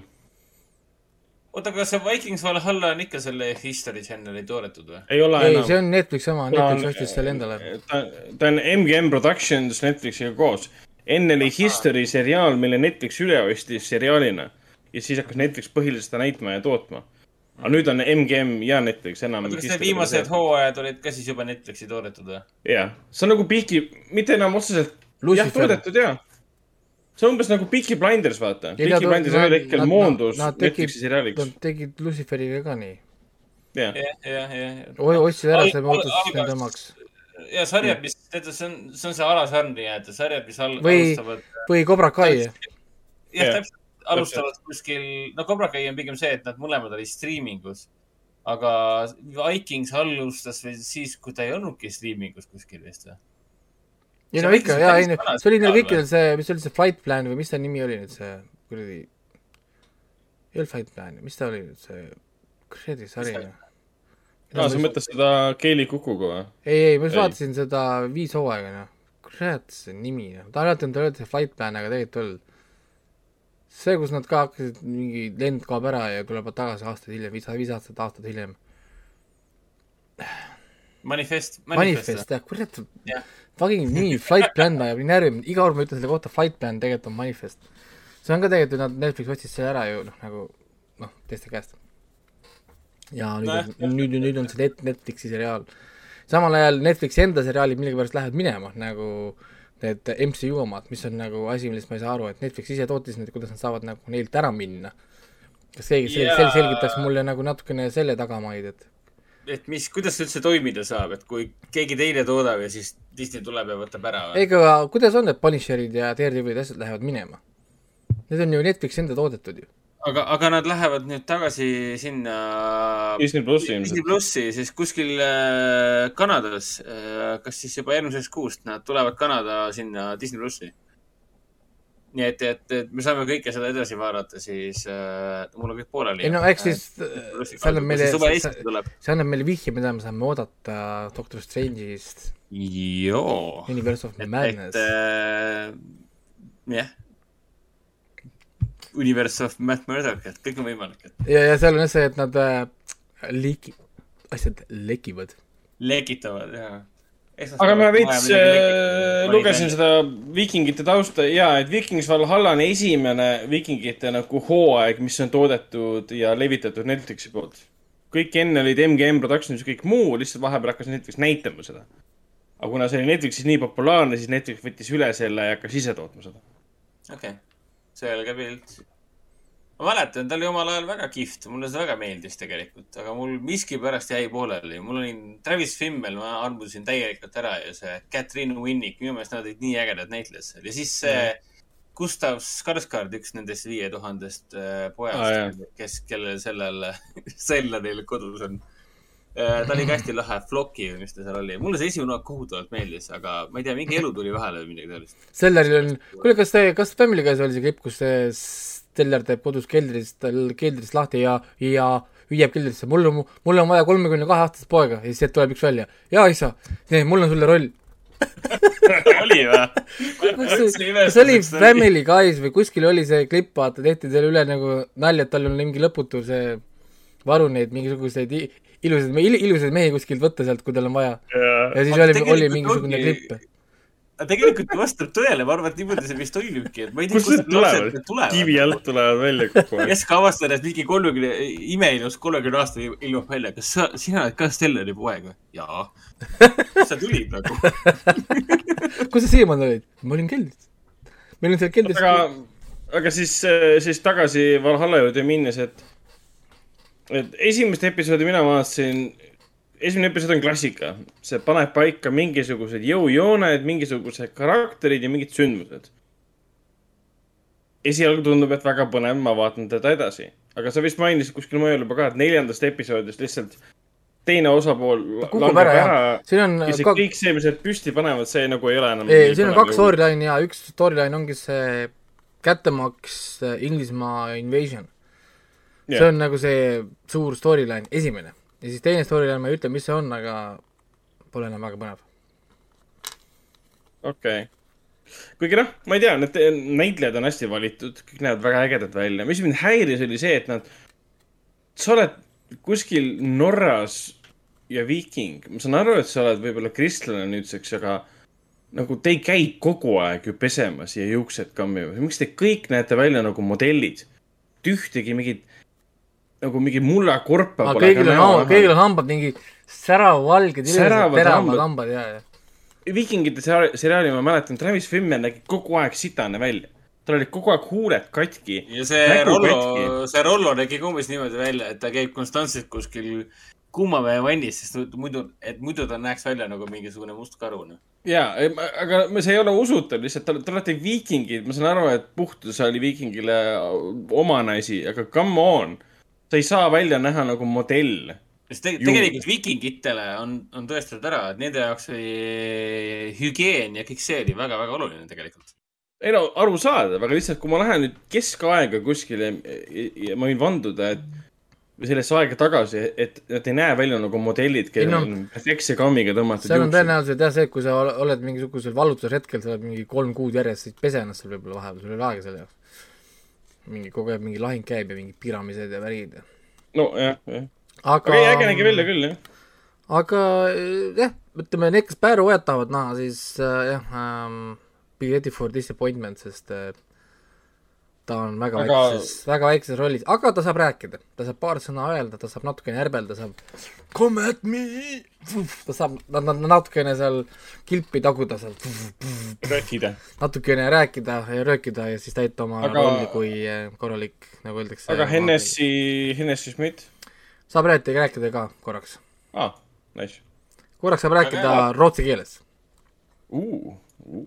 ei, aga see on suur au, see on äh, minu jaoks on umbes sama nagu me, mõni meie suusataja saab äh, olümpial äh, pronksi. ja siis mõni tuleb ütlema, et aa, oleks võinud ikka kulla saada, siis ma mingi, no see ei olümpial pronksi, ma ei näe probleemi. ma arvan, et Eesti nagu- suusatamisest rääkimine on too soon veits. oota, asjast on, millest? Eesti millest? Eesti, Eesti suusatamisest rääkimine on ma arvan, et ta rääkis Sildarust praegult. okei, okei, okei, jah. kuigi see on ka võib-olla too soon, sest kas sa räägid nüüd, sa mõtled veepalusid või? no jaa. aa, issand, mul on ammu meelest ära Ei, aga- aga ma saan aru, mida mis sa mida ma tahan öelda, see, seda, et nagu Pääro ja Hennessy Schmidt osalevad äh, Netflixi toodetud Vi- Vikings Valhallas, see on nagu olümpial mm. osalemine, see on sa oled Tegelikult midagi jah., sa oled midagi elus õieti teinud. ei no said, nad said CV-sse endale mingi asja nüüd, nad said mingi kontakte, nägusid, asju. absoluutselt, siit See- saab edasi minna ainult, kui hästi läheb, siis te- sillad äh, on avatud kõik, tehakse lahti. aa, sa tegid praegult äh, sillapanni ilma, et sa oleks sarja näinudki, sa tegid praegu väga hea ma lug-, ma lugesin seda plotti selle Stanfordi sa- silla kohta. tegid seal praegu väga hea Äh, väga okei. hea silla avamise panni tegid praegu. et osaled silla lahingus, siis on ka sillad sulle avatud. lõid silla puhtaks nii-öelda. aga kusjuures, mis see meil oli, ta ei ole üldse nii kusjuures verine, kui oli päris, päris Vikings, ütleme siis nii. issand, see oli ikka väga jõhker veristamine. Et päris See Viking oli esimene. ikkagi nagu päris Viking ja see on nagu niisugune spin-off Vaese mehe Viking, mida me vaatame siis issand nüüd., okei okay., õnnis pettumus. Jep. esialgses Viikingites muud ei tehtud, kui ja lisaks siin ei ole ka Dissi ega Assi ka ei näe, nii et kõik need, kes lootsid, et nad näevad siin Dissi ja Assi, siis äh, nope, peate vaatama Outlanderit kahjuks, ei saa vaadata Viking seda, Vikings Valhallat.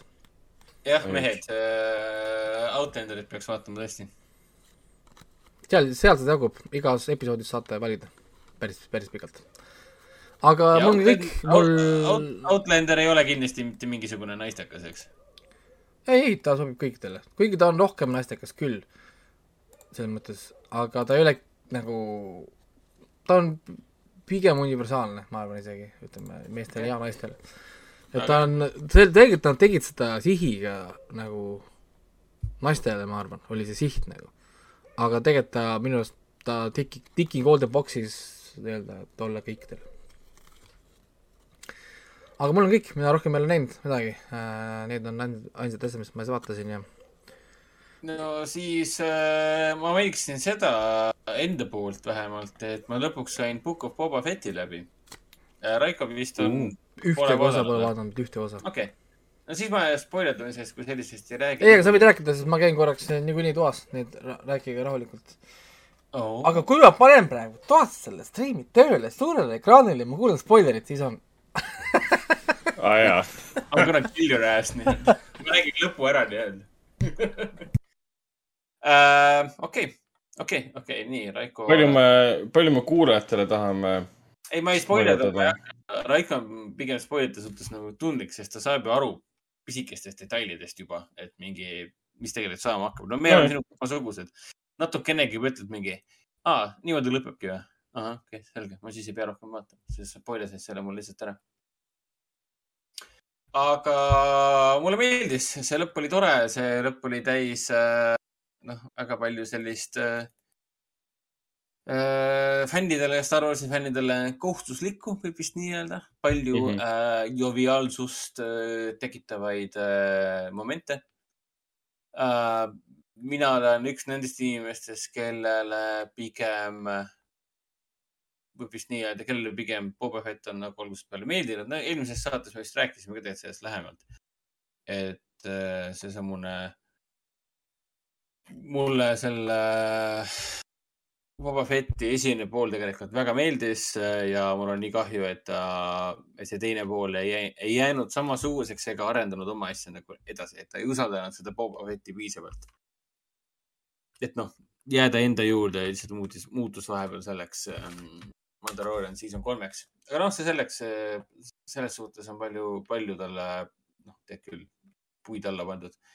Palju on naerdud selle Boba Fetti üle, aga mina nagu, ma ei tea, ma olen nagu vähenõudlik või? ma ei, ma ei oska nagu naerda selle Boba Fetti üle, mulle nagu meeldis see. noh, välja arvatud need miinused, mis, mis me nüüd teame, et siin on, ehk siis üleliigsed, väga ägedaid Mandaloriani episoode ja mingid veidrad otsused, kuidas pikendada story, kuidas pikendada sisuliine, mis ei vaja pikendamist. See on nagu kiire sissepõige, mitte mingi ühe-kahe episoodi laiune, laiune teema. et neid asju ei peaks tegema kaks episoodi järjest, vaid sa teed ühe episoodi alguses selle teema ära ja liigud edasi. aga noh, mina isiklikult loodan, et tuleb ka teine hooaeg. aga noh, see lõpp oli iseenesest väga kihvt, eriti mis puudutab äh,, kuidas seda öelda, väikest häbarikku ja väikest häbarikku võib vist nii öelda. ja, ja mis puudutab seda ränk, ränk, ränkorit, ränkor, ränkori, ränkori ülestõusu, võib vist nii, äkki nii öelda. Nad, nad lunastasid selle Rancori karakteri. lunastasid pole- ränkori karakteri või? ta pole ainult nagu julm tapja, ütleme nii. julm kolet, ta on sama julm, kui on tema omanik, ütleme nii. ta oli ju äh, kohe üsna lunastatud, ses mõttes, et see meie. kohe, kui ta välja ilmus, jah. Ja ta oli nii sõbralik ja sõber tema vastu, nii et äh, ma ei tea. siis meile selgitati, et kes ta nagu tegelikult, mis sorti loom ta on tegelikult. jah, seda küll, seda küll. seda me kuulsime esimest korda. ja, siis varem me- meil on lihtsalt ju näidatud ja öeldud, et tegemist on lihtsalt mingisuguse monstrumiga, keda peaks kartma, noh, that's about it. aga nojah, ma loodan, et, ma loodan, et me mingil kujul näeme Boba Fetti nagu tagasitulekut, aga ma kardan, et see vist jääbki ainsaks hooajaks. isegi Disney peaks nägema seda vastuhooaja, mis see film sai tõenäoliselt me näeme seda alles äh, Boba Fetti uuesti Mandalorian season kolmes, ühel või teisel kujul äh,. nüüd ju, issand, juba mais tuleb ju see aa, see noh, Obi-Wan Kenobi seriaal või? jaa. ja pärast seda nimi peaks, oligi vist Obi-Wan Kenobi või? või oli Obi-Wan vist või? või oli Kenobi või? oota. Kenobi Disney. ma isegi ei tea täpselt, et kas ta oli Obi-Wan või Obi-Wan Kenobi. Obi-Wan Kenobi peaks olema lihtsalt. jaa, Disney plussis on Obi-Wan Kenobi. okei okay,, no täispikk, täispikk nimi välja kirjutatud. jah, okei okay., no iseenesest ütlen niimoodi, et mingid ohumärgid siin kindlasti on, sellega ma olen nõus, et äh, tundus, tundub, et kohe, kui Disney leidis äh, või noh, Star Wars või LucasArts, Lucasfilm Disney all nagu leidis selleks õige tee, kuidas Star Warsile läheneda, ehk siis ma mõtlen Mandalorian ühte ja kahte, esimest ja teist hooaega, mis oli nagu kümme, kümme kuld lihtsalt. siis mulle tundub, et kohe on vaja see rong kraavi vastu sõita. et, et minna nagu ahnuse poole. ja, või kuidagi pea laiali otsast läheneda asjale nagu suvaliselt või, et Boba Fett nagu hull- hullult kannatas selle all tegelikult et nad keskenduvad rohkem Mandalorianile kui of Boba Fettile, et see tekitab küsimuse, miks te sellest sarjast üldse tegite siis? nojah, see ei olnud nagu piisavalt põhjendatud ka selle koha pealt, et äh, väike spoiler, et jah, see on nagu osapooled koonduvad ja aitavad võidelda ühe suure vastasega, aga meil ei olnud tegelikult vaja Mandalooriani karakteri koha pealt nii palju, nii mitu episoodi talle süveneda, tema suhetele ühe tegelasega süveneda, et see annaks midagi juurde lõpulahingule. kas see andis? ei andnud ju tegelikult. ei. see oli nagu lihtsalt, kui juba, siis juba toome nad tagasi sisse, siis rahvale meeldib. vähemalt sihuke mulje mulle jäi, sest muud põhjendust ma ei näe. Neil ei ole, kui sa võtad nad sellest story'st välja ja jätad ainult Mando alles, siis see töötaks samamoodi. jah, kui, kui nad oleksid oma story usaldanud, ma ei tea, kas, kelle, kelle teene see tegelikult on, kas Robert Rodriguez'i teene või tema ju tegi neid esimesi episoode enne, kui Price talle Howard aa, ei. Et ta on, nemad on lihtsalt režissöörid, et stsenaristid on süüdi kõik. teine all ma mõtlen seda, et see alguse flow oli väga hea ja mina olekski tahtnud näha seda mingit äh, gängsta impeeriumi tõusulugu. lihtsalt mm. see, kuidas, kes ta oli enne seda, kui ta tuli tagasi, miks ta nii väga tahab seda territooriumit endale, miks ta hoolib selles kandis, et seda emotsionaalset sügavust ja seda motiveeritust oleks võinud nagu laiendada ja lahata krüptilisemal viisil loomulikult kui see, mis oli algus, kuigi see algus oli ka minu meelest vajalik. et mul on kahju, et nad ei usaldanud Boba Fetti ja tema Gangsters Paradise'i, et see oleks võinud minna nagu lõpuni välja sellisel kujul. no minu minu meelest see soundtrack ka, see team song, mis äh, see, selle Boba Fetti teema muusika, mille see Ludwig Göransson ka tegi, et see on nii gängsta. see on nii gängsta lihtsalt. Et nii kahju, et see, et see, et see teemalugu on gängstam kui äh, seesamune sari ise, võib vist nii öelda. jah, kuigi ta Äh, kõditas väga õige koha pealt, kui sa oled natukenegi Star Warsi fänn. et need teatavad episoodid seal olid minu jaoks küll umbes niimoodi, et äh, no see meenutas mingeid häid aegu Star Warsi selles fandom'is nii-öelda, kus Star Warsi filmid olid veel ägedad. seetõttu me näemegi nüüd seriaale, mis on ainult Star Warsi minevikus, mitte Star Warsi olevikus. nojah, nüüd on järjest, me näeme, kõik seriaalid on Star, Star Warsi minevikust. mitte ühtegi tulevikuseriaali ju hetkel ei, ei ole. Ashoka Tano on ka ju minevikuseriaal. jah, täpselt. äh,. vähemalt minu meelest. nii, ja siis ma vaatan siin ka, vaatan edasi ka sedasamust äh, Community't. jõudsin äh, teise, teise, teise hooajani. jätkuvalt mul ei ole üldse meeles, millega, millega see, kuhu see seriaal peaks nagu arenema ja lõppema.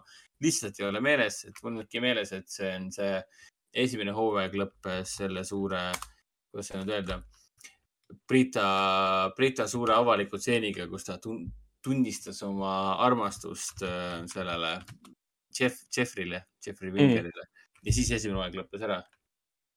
ja, ja siis teine tuli kohe samal teemal edasi, et noh, ja siis muidugi see The Rise and Fall of uh, Senior Chang on ka siin see teema juba teises hooajas tegelikult.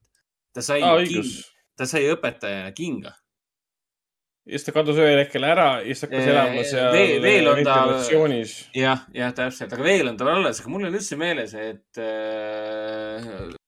ta juba juba, juba, esimeses hooajas äh, nii-öelda kinga sai. okei okay,, siis mul on lihtsalt valesti meeles. ma mõtlesin, et see toimus äh, kuskil, mina ei tea, kolmandas või neljandas hooajas, midagi sellist. Et see päris kurb on näha seda, et kuidas tema see võimuvahekord on täielikult muutunud, kuigi nüüd ta muutub aina nahaalsemaks, huvitavamaks, et ma mäletan, et see iseenesest oli väga-väga vinge teema mm.. et kui hulluks võib ju tegelane minna, et juba siin esimeses, teises osas, teises hooajas oli see, kuidas äh, Chang eh, tahab saada sellesse eh, nende, nende õppegruppi nii-öelda sisse, et nüüd nad õpivad antropoloogiat ah,. Betty White oli esimeses osas, mängis antropoloogia õpetajat, õppejõudu, kes Jaa. oli, kes oli peas sõe ja jõ- jõi seal omaenda limona-, limonaadi omaenda pissiga. ja, ja mäletan, mäletan. jumala äge tüüp oli, nii hästi mängis siin ka, et noh ähm,. ja selles äh,, siin ka nad tegid seda sõrmust lisandat järgi, seda kurikuulsat äh, teise osa Two Towers'i, seda Gollumi stseeni, kus siis Cheng äh, rääkis äh, omaenda teise poolega. Et see- pool, kes tahab Annile ja kogu sellele õppegrupile kätte maksta, et nad tema, tema tõttu, nende tõttu ta üldse kinga sai Äh, ja teine pool on siis see, et ei, ma tahan lihtsalt nendega liituda, nad on minu sõbrad mingi. ei, meil on vaja kättemaksu, nad on meie vaenlased, et see on sellised pisikesed lambised, aga noh, nii kihvtid, intensiivsed momendid on selle sarja nagu noh, totaalne nagu hi- highlight. ja ta üllatab ikka iga kord sellega. Nii äh,, siis me Ragnariga koos vaatasime ühte toredat filmi nimega Karen. oi jumal küll, Karen on, Karen on kindlasti film. mis film see on selline? see on eelmisel aastal välja tulnud siis must komöödia slaš krimitriller, mille nimi on Karen, mis väga paljudele koheselt seostub äh, Kareniga. see on see solvav nimetus valgele naisele, tema nahavärv ja siis sugu on oluline, sellepärast et see seostub otseselt valgete äh, naistega, kes siis äh, tühja tähja pärast kutsuvad politseid, tihtipeale siis näiteks mustanahalistele inimestele ähm,. tihtipeale sellepärast, et nad tegelevad kõige tavapärasemate võimalikuma asjadega üldse. ja, ja, ja inimesed pole kunagi milleski tegelikult süüdi, aga Karen näeb seal nagu mingit kuritegelikku või ta ajab oma õigust taga. No Eks- Eks... ma olen, ma olen ka väga palju neid klippe vaadanud, mis puudutab yeah. Karen, Kareneid, valged naised, kes lähevad endast välja, kui keegi, ma ei tea, pargib näiteks mingi koha peal, mis sellele naisterahvale üldse ei sobi ja ta ja eriti kui tegemist on mustanahalise perekonnaga, siis ta kohe helistab politseisse ka. no täpselt, et neid juhtumeid on äh, nagu palju olnud, kus äh, lihtsalt mingi seltskond äh, grillis pargis ja Karen ilmus välja ja kutsus politsei. Mille peale politsei tuli kohale ja ütles, et miks sa meid no, tüütad ja näiteks oli, mees oli pargis, palus ühel naisel panna oma koer kinni, mille peale siis Karen helistas politseisse. teeskles telefoni teel, et teda rünnatakse, kõik on video peal. ühesõnaga tehti film, sellest samast isikust, sellest samast tüpaažist tehti film nimega Karen. sellest naljast nii-öelda. film on tehtud mustanahalise reisijari poolt, ma toon selle rassi välja ainult sellepärast, et lihtsalt konteksti luua. Ja ta on, ta on komöödiafilm, ta on trillerfilm. ja, aga seda on väga raske vaadata kohati, sest sa ei saa enam aru, kas ta on tehtud tõsise filmina või ta on teadlikult tehtud ironiseeriva filmina. sest yeah. seda ei saa, seda filmi ei saa tõsiselt võtta.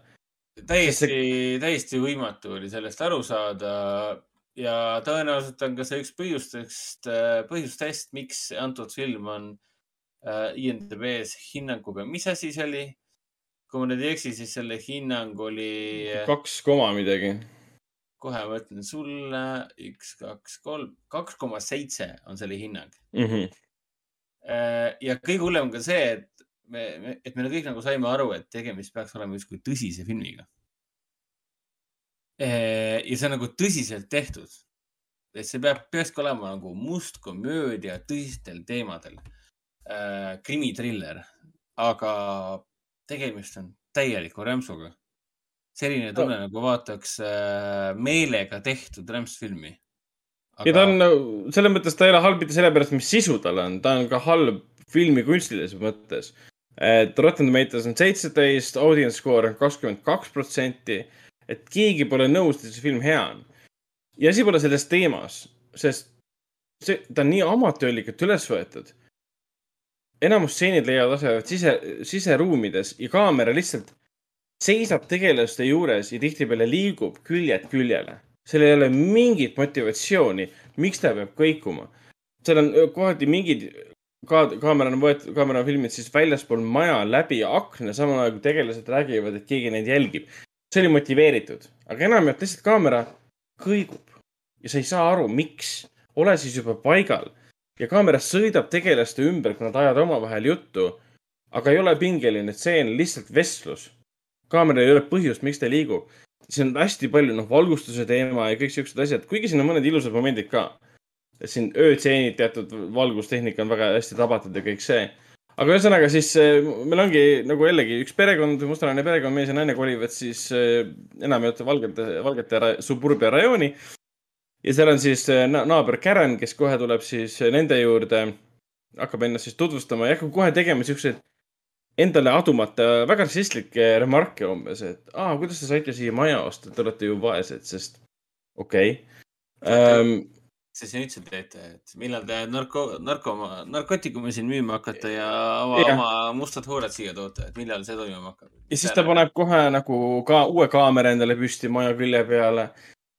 sellepärast, et ta ei usalda naabreid ja kõik siuksed asjad, et see aina nagu süveneb ja süveneb ja süveneb, kuni ta ühel hetkel siis läheb siis sinna housewarming peole, mis on, mis on see suolaleiva peole. kuhu, kuhu teda keegi ei kutsu ja hakkab siis seal äh, täielikku segast peksma umbes niimoodi, et mis ühel hetkel lõpeb lausega, et minge siis tagasi Aafrikasse, kui teile siin ei meeldi. mis on kõige idiootlikum lause, mis võib inimene üldse kunagi kellelegi, kellegi öelda. see on umbes sama, et sa ütled Eestis äh, vene keelt kõnelevale Eesti kodanikule mine tagasi Venemaale, see on umbes, mis see tähendab? kuhu? ta on ta, ta on neli põlvkonda siin elanud. ta pole kunagi Venemaal käinud ega elanud, kuhu ta tagasi peab minema siis? täiesti naeruväärne. see on niisugune arutu, arutu foobia nii-öelda. aga see film on lihtsalt see hämmastav, selles mõttes nagu ma tahaks kohtuda selle režissööriga, temaga rääkida, et kas ta tõesti näeb maailma niimoodi või ta üritas teha nagu nalja, aga ma ei saanud naljale pihta. sest kui sul jääb mulje, et see kõik oli tõsiselt tehtud, siis on midagi väga valesti. kui ta üritas nalja teha, siis see lihtsalt ei tulnud välja.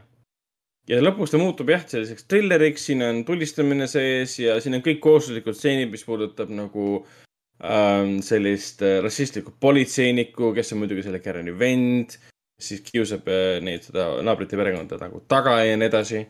aga, aga ta on sellegipärast huvitav film, mida ma soovitan kasvõi sellepärast vaadata, et kas selliseid filme tehakse. et siin on mingi sportlik huvi endal täitsa olemas, miks seda peaks vaatama, aga muud, muud põhjust ma ei näe. võib-olla kõige parem näide on nagu see, et ma tegin nalja, et nagu vaataks äh, Jordan Peele'i filmi, nagu vaataks Jordan Peele'i Get Out'i. Lihtsalt äh, režissöör äh, ei ole mõtlemisvõimega või analüüsivõimega Mm. erinevalt siis Jordan Peele'ist, kes on äh, analüüsi ja või, või mõtlemisvõimeline.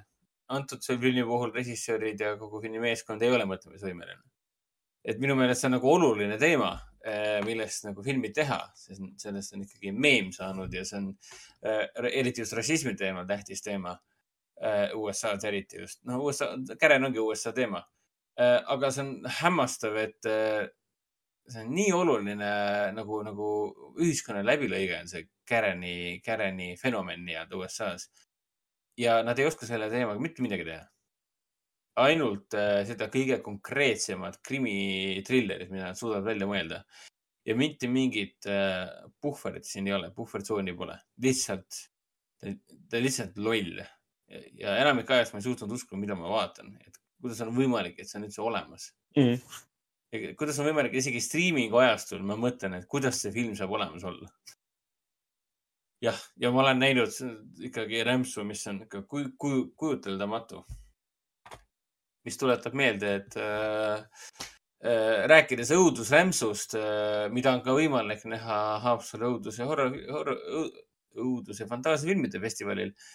Muidu on seal kvaliteetsed õudusfilmid ikkagi, aga, aga kõige lõbusamad ikkagi need vanad head, vana head rämpsfilmid, mida hilisõhtul vaadata. siis ju aprilli lõpus, mai alguseni kestab ju meie vana hea äh, Hõhvikene, nii et piletid läksid vist nüüd müüki ka. ja, HÖFFil tegelikult mõned filmid on välja kuulutatud ka. kui mitte piletid, siis need ähm, passid läksid müüki kindlasti. et seda, seekord ma ootan seda hullult, hullult väga ootan, et saaks Et jälle sinna minna ja nautida kevadet. sest siin on nii ägedad filmid tulemas, Härg on tulemas, mis on selle ägeda näitlejaga, mis, Neil Maskell, kes mängis selles äh, Kill Listis ja Utoopias seda Utoopias ja, ja Neil Maskell. tüüpi, kes hingeldas palju ja siis see Anna-Lili Ammipuri uus film, see, kes tegi selle Bad Batchi ja Tüdruk läheb öösel üksi koju. tema uus film Mona Lisa and the Blood Moon. et juba väga-väga-väga tugevad filmid on ju paika pandud. vot, aga millest me veel saame rääkida, mina vaatasin äh, Encanto ära Disney plussist. see on siis äh, nüüd, mis aasta film ta nüüd on, ta on tegelikult siis see eelmise aasta film. Ta on siis Disney animatsioon, Walt Disney Animation siis. Ja Luka nüüd oli, mul läheb juba sassi. Luka on Pixar. Luka oli Pixar. Ja mis siin vahepeal veel on, Turning Red on, Turning Red on Pixar, mis tuleb nüüd märtsis, kaheksateist Turning märts. Red on järgmine Pixar, okei okay.. ühesõnaga, Encanto on siis viimane Walt Disney äh, animatsiooni äh, suur äh,, suur film.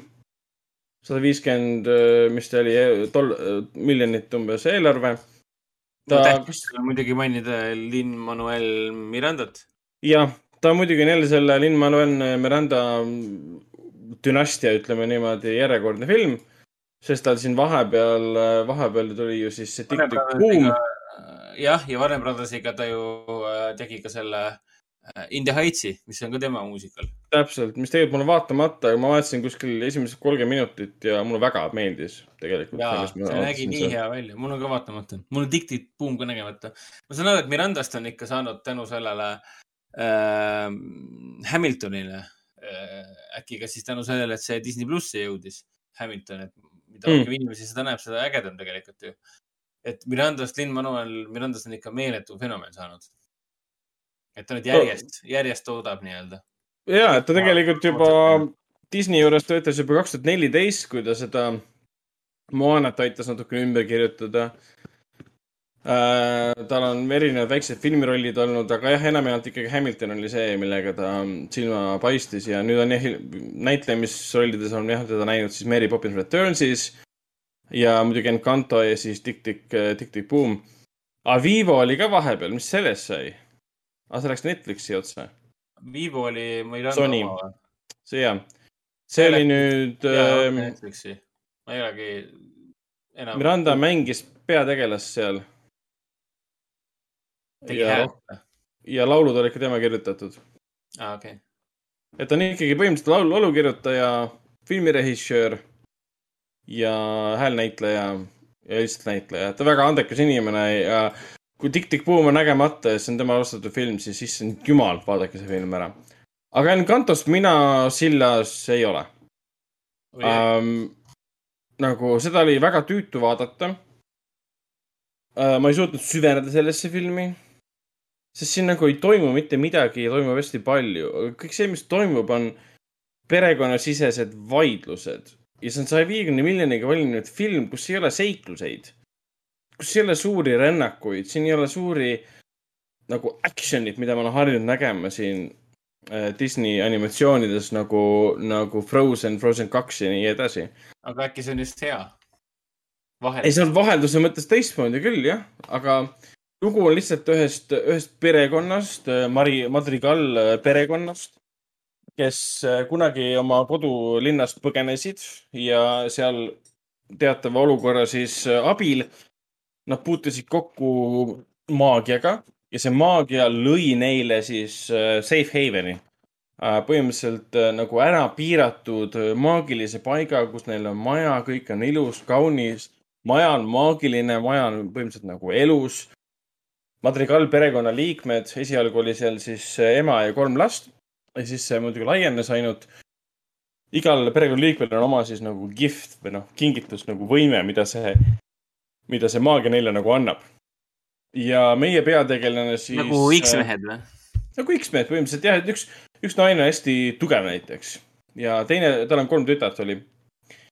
Üks tütar on siis hästi tugev, üks tütar kuuleb kõike, mis igal pool liigub põhimõtteliselt. üks tütar näiteks siis, tema tunded väljenduvad ilmaga, ilmana põhimõtteliselt, et kui ta on rõõmus, siis on tema kohal päike ja kui ta on kurb, siis seal on äh, must pilv, kust tuleb vihma näiteks. ja nii edasi. ja meie peategelane, kellele annab hääle, kusjuures äh, Stephanie Beatrice äh, ehk siis ah, Brooklyn Nine-Nine. Nine-Nine'i ja, ja In the Heights'ist oli ka. ja, ja, Nine Nine. ja sellega oligi huvitav lugu, et ma lugesin seda cast- casting process'i kohta ka natukene, et nad üldse ei tahtnud teda tegelikult sinna peaossa. aga nad kutsusid ta nagu casting ule ja siis casting ul selgus, et äh, Stephanie Beatrice pole üldse selline inimene, nagu ta on Brooklyn Nine-Nine'is. et ta on hästi Aa. rõõmus ja, ja tore ja tema hääl on väga kõva nagu range'iga. ja tema siis jah, mängib siis seda peategelast Mirabelli, kellel, kelle nagu see konflikt seisneb kogu, kogu selle loo ja muu asjaga seisneb selles, et tema on ainuke, kellel ei ole nagu võimet. ja ta on esialgu väga kurb selle pärast, et kõik teised saavad võimed, temast palju väiksemad lapsed saavad võimed ja võimete saamine on ka mingisugune oma, huvitav nagu imelik protsess, tehakse mingi suur pidu, siis minnakse mingi maagilise ukse juurde ja siis see maja nagu annab talle selle võime, ta läheb sinna uksest sisse, seal on nagu tohutu suur nagu tuba, mis on nagu, nagu Harry Potteri tuba põhimõtteliselt.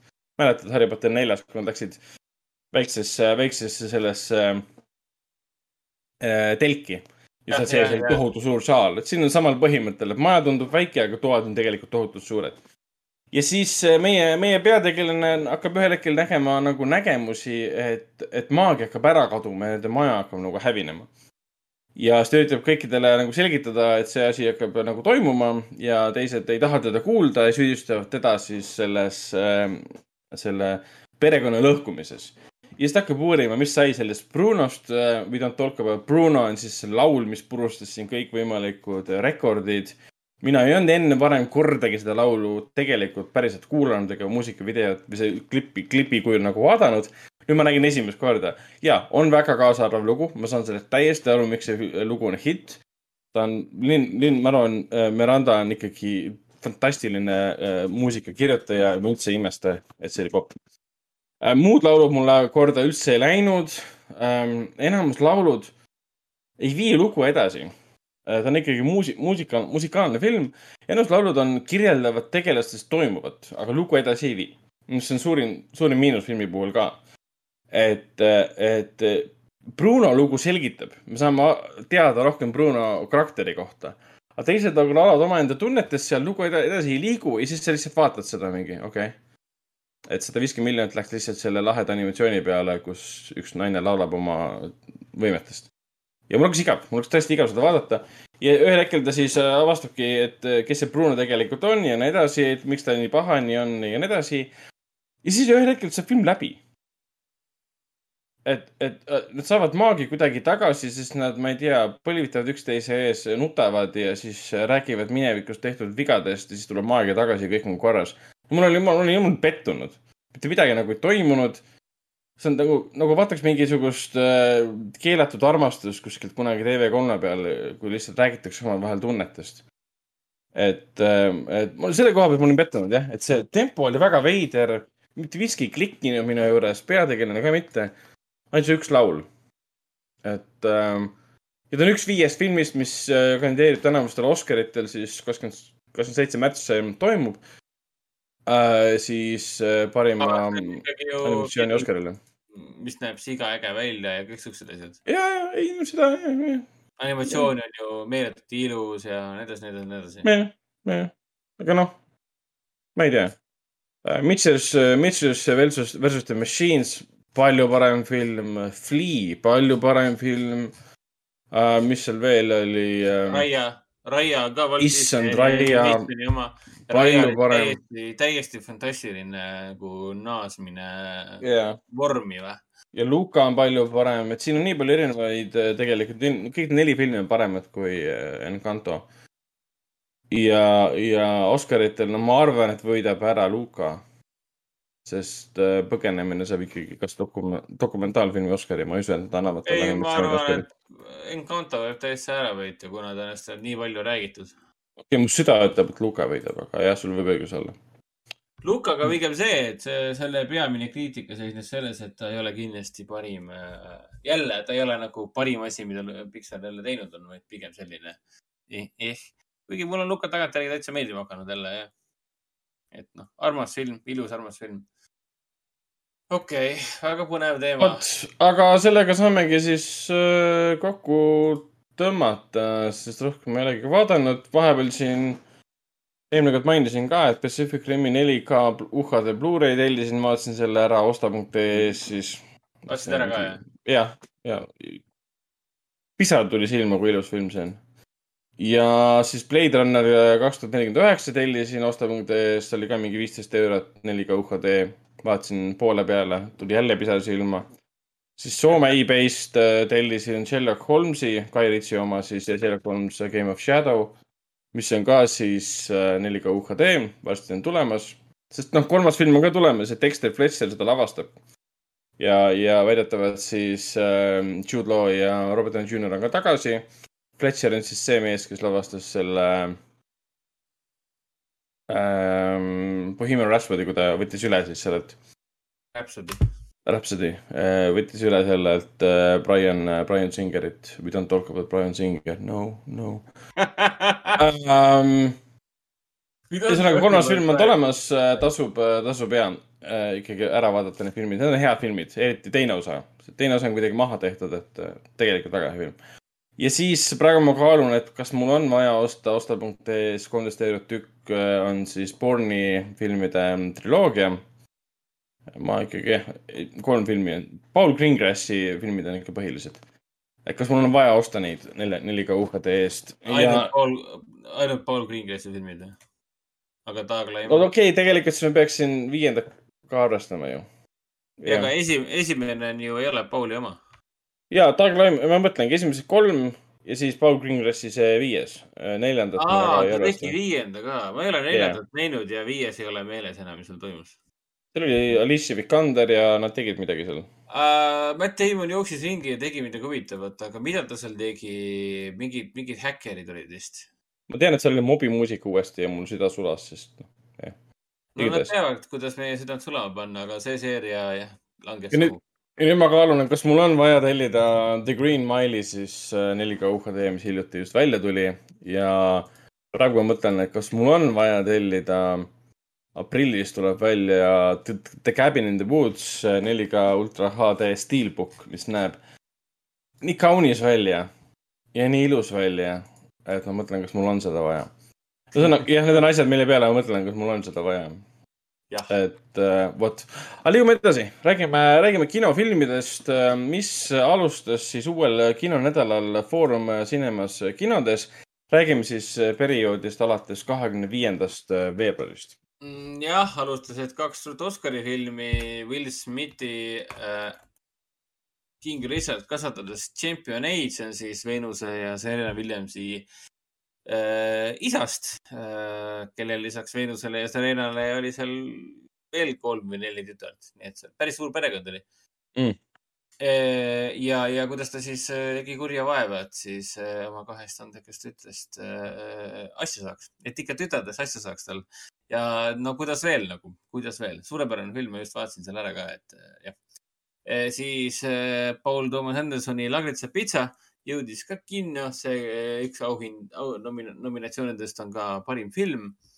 Meie jõudsime ka Ragnariga käia retrospektiivil, vaatasime tema selle, ühe kõige lemmikuma äh, selle Paul Thomas Andersoni filmi ära, selle Veri hakkab voolama, There will be Äh, blood. mida me ei olegi vist alates aastast, kurat, mis aasta see tehti, kaks tuhat neli, kaks tuhat viis, kaks tuhat seitse. kas seitse või? sellest ajast saadik polegi uuesti vaadanud ja väga kihvt on vaadata ühte asja, ühte filmi uuesti ja jälle kinos. ja see on ikka mõnus tunne tegelikult. sa vaatad esimest korda kinos ja sa lähed vaatad teist korda ka kinos uuesti ja sa pole vahepeal uuesti vaadanud. siis kogu perefilm äh, Hunt nimega Saladus. Liam Neeson peksab näkku filmis nimega Must valgus ja Channing Tatum äh, noh, ütleme niimoodi komöödiafilmis nimega Koer, kus ta püüab siis äh, ütleme niimoodi, et äh, sõjas äh, räsida saanud äh, koeraga sõbruneda nii-öelda. Ja veel komöödiadraama ja veel kuuenda märtsini äh, on võimalik äh, valitusseanssidel äh, nautida Jackassi poiste uut filmi Jackass igaveseks. nii, aga Artises, mis toimus? Artises Jackassi kahjuks või õnneks äh, näha ei saa. Aa. küll aga linastus meil noore muumipapa seiklused, mis on lamenukk äh, tehnikas äh, loodud siis animatsioon äh, ei muumi. Hei Muumi äh,, animatsioon siis Muumiaru lugudel, põhinev muidugi Tove Jansoni lugudel äh,. meil oli siin täna pühapäevasel päeval, et mina hommikul juhatasin seansi sisse, meil oli seal külalised animatsioonistuudiost Anima Ilm, kes siis pärast seanssi näitasid rahvale, kuidas üldse lamenukk äh, tehnikaga, lamenukk animatsiooniga või lamenukk tehnikaga siis filmi üldse tehakse. Nad näitasid seal oma lühifilmi ka. Naeris oli selle nimi ja lapsed olid kohal, lastele andsime muumide pulgakomme ja papadele, emmedele pakkusime pärast kohvi ja laps, lastele näidati siis, näidati siis, kuidas animatsioonide tegemine käib. ja see on hästi põnev tegelikult, et sa näed filmi ära ja siis sulle näidatakse, kuidas sõna otseses mõttes see tegelikult käis, selle loomine. ja siis samamoodi meil tuli siis Paul Thomas Andersoni uusim film Lagritsa pitsa kuuele Oscarile kandideeriv äh, siis äh, King Richard kasutades tšempioneid, Lagritsa pitsa kandideeris nüüd mitmele Oscarile? seitse või? ei olnud nii palju. aa, viis või? vähem. neli äkki või? oota, tuletame meelde, mul on, mul on kirjas tegelikult Artise kodulehel. Äh, jah, kolm Oscarit, kolm Aa, Oscarit kolm. Okei okay,, noh, arusaadav, ja mõistetav. King Richard oli kuus, jah. nii äh,, kuhu ma nüüd jäin? vot ja siis tuli Itaalia komöödiadraama Pimestav armastus ja prantsuse äh, näitekirjaniku näidendil põhinev Susanna Andler Charlotte Gainsborough'ga. meie saame siis, täna räägime pi- pikemalt siis King Richard kasutades tšempioneid ja natuke siis räägime ka siis sõpruses kogetud Paul Thomas Andersoni PTA äh, retrospektiivi äh, muljetest, aga alustakski äkki siis King Richard kasutades tšempioneid tegemist on siis äh, filmiga, mis kandideerib siin parima meespeaosa kategoorias Will Smith, parimale filmile kandideerib äh,. Aunjana El- Ellis kandideerib siis ka parima naiskõrvalosale, film kandideerib ka parimale äh, montaažile. montaaž on siis see, mida seekord meile laivis Oscaritel ei näidata, see on üks kaheksast kategooriast. See on, mis, need on need kategooriad, mis antakse enne otseülekannet üle ja need monteeritakse siis highlight idena vahepeal sisse. ja siis film, sorry, film kandideerib veel uh,, Covid uh,, kandideerib veel parimale, parim originaalse stsenaariumi Oscarile ja siis ka parimale laulule. ja see parim laul on üldse veider asi, millele kandideerida, sest see on mingi laul, mis kostub lõputiitrite ajal ja see peaks nüüd olema parim. minu jaoks oli see lihtsalt laul. jah, see laul ilmus välja siin filmi lõpus, kui me näeme neid klassikalise, noh, biograafiline film, ajalooline film ja siis me alati näeme neid päriselu kaadreid, milline tegelikult King Richard ja väike see, väike Veenus ja väike Serena välja nägi. selle taustal on see laul. Ja For the life of me, mina ei mäleta, mis see laul enam oli, sest noh, film oli läbi. ma tean, et seal oli Beyonce hääl oli seal. oli või? aa, okei okay., no oota, mida? jaa, Beyonce on üks, üks lauljatest äh, koos Dixoniga. ma isegi, ma isegi ei pannud, mitte midagi ei pannud tähele sellest. sellest, sellest lõpulaulust, et ütleme, see laulu paigutus on väga vilets, sest see oleks võinud ikkagi olla kuskil. Filmis sees, vaata, mingisugusel emotsionaalsel kohal, sest filmis on Jaa, palju emotsionaalseid kohti. pivotaalne moment, et oleks võinud, siin oli neid momente palju, oleks võinud kasutada seda laulu seal. mm.. aga King Richard ise on siis lavastatud režissöör Reinaldo Marcus Greeni poolt, kes viimasel ajal on, tõi meile näiteks sellise filmi nagu Joe Bell, mis mul on nägemata. see on siis üle-eelmise aasta film Mark Wahlbergiga peaosas. tegelikult ma tean, et see film peaks väga-väga hea olema, ta on kõrgelt hinnatud. Ja kuigi IMDB järgi mitte. aga ma olen seda tahtnud näha. see on üks nendest Joe Bell ja siis teine film oli see Matt Damoniga, kus ta läks oma tütart päästma. Need on need kak- kaks tuntud Hollywoodi näitleja filmid, kus ta üksi on, teeb midagi. tahaks neid ära näha. tütar plastis. Stillwater aa, ja, ja, ja, ja, ja, ja, ja, ja, ja. ja King Richard räägib siis muidugi Venus ja, Venus ja Serena Williamsi tõusust maailma parimateni, kus nad on ka praegu. see räägib, räägib nende üleskasvamisest, eelkõige see räägib nende isast.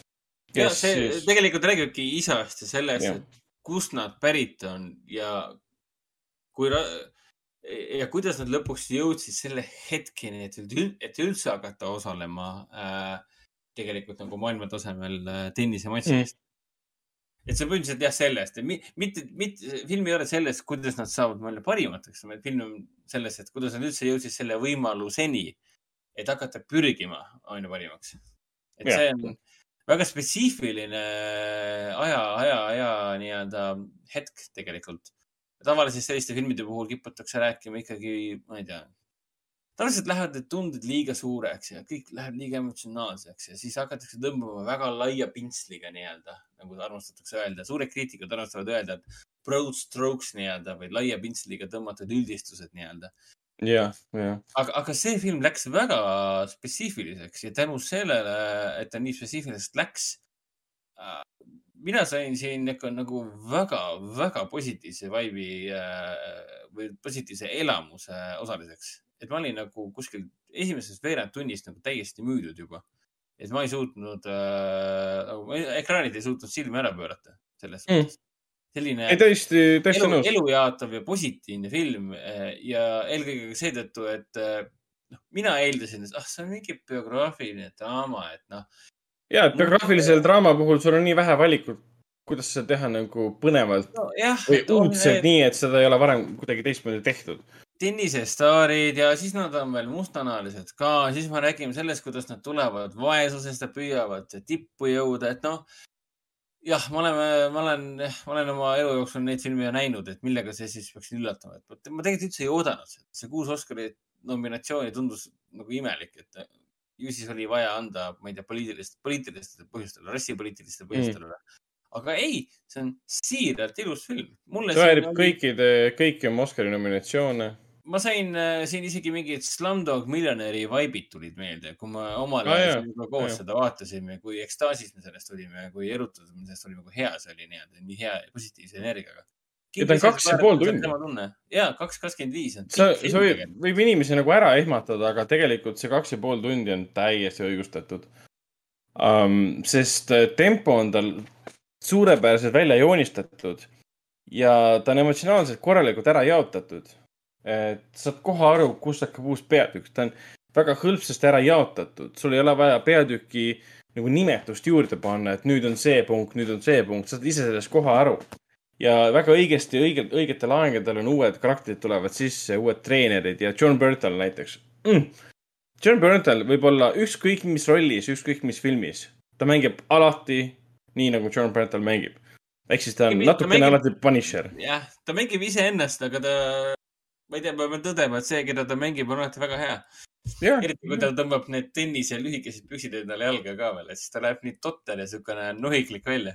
ei no Will Smith kannab ka neid tegelikult seal päris korralikult, et äh, ja ta, ta, ta nägi ka välja nagu väga, väga nohik tegelikult, eriti selle küüra, noh küüruga tal seljas ja mingi väike lonkamine ja, ja siis imelik aktsent ka, mis tal oli. mm.. aga filmi kohta veel nii palju ja, et äh, Will Smith, ma ei tea, tema viimane niivõrd võimas roll ma vaatasin tema filmograafiat ka vahepeal, et noh, tüüp on kuidagi alla andnud vahepeal, sellepärast et tal olid siin äh, kas just alla andnud, et tal on ikka nii karjäär olnud, Gemini Man's ja Ang Lee'ga näiteks nagu, okei okay,, mis see see oli nüüd oli? see oli ikka täielik rämps. Ja siis tal oli Aladdin, mis oli okei okay,, see oli kindlasti üks film, mis linastus sellel aastal, kaks tuhat üheksateist. siis tal oli see animatsioon Spies in Disguise, noh, ok. no jah, okei okay,, Bad Boys for Life tegelikult üllatas ja ta, tal oli seal hea roll.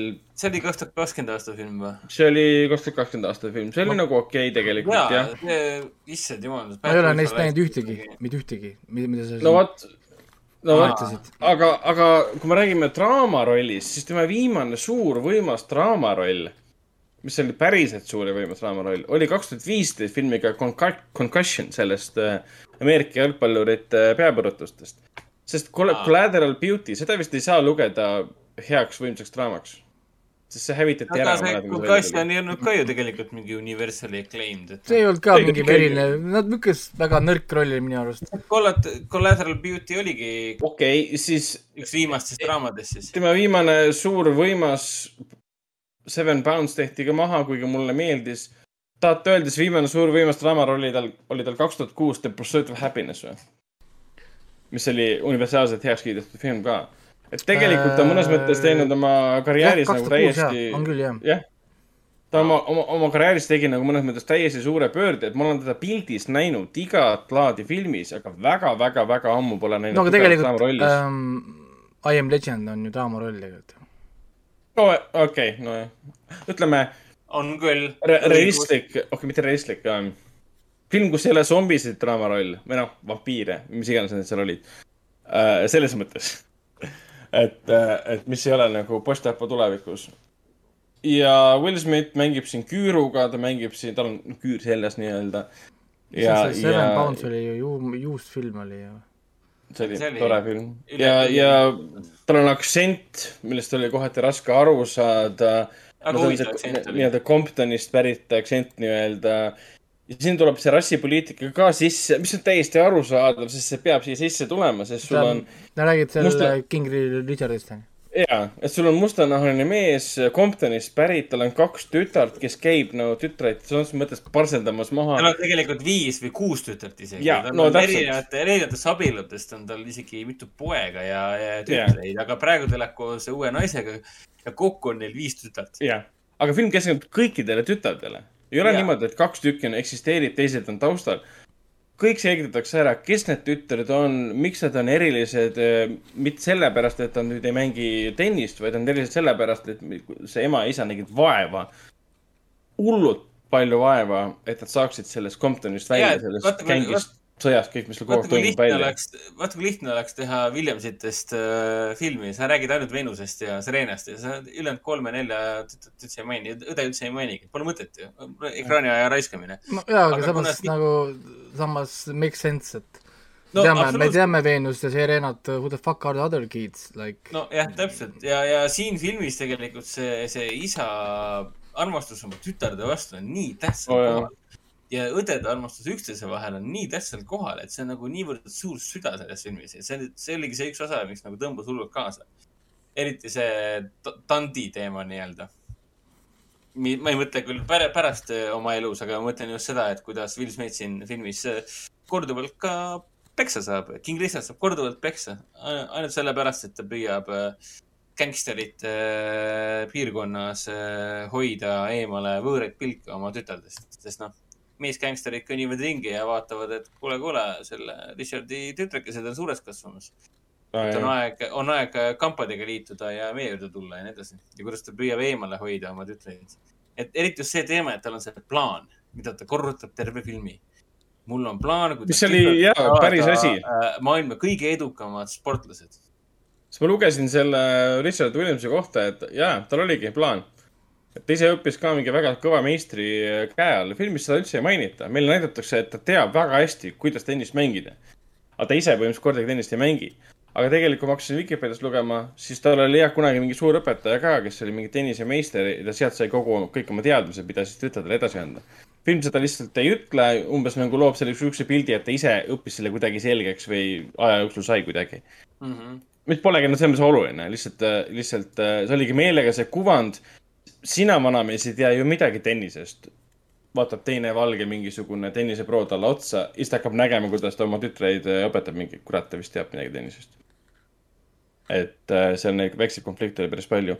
igatahes igati hea film, positiivne film, tekitab hea tunde nagu good Hollywood filmmaking. Näitlejatööd on kõik nagu priimad ja, ja, ja nagu lapse, ma olen ühelt teiselt lapsevanemalt kuulsin täpselt sama juttu, et äh, väga, väga südamesse läks ka.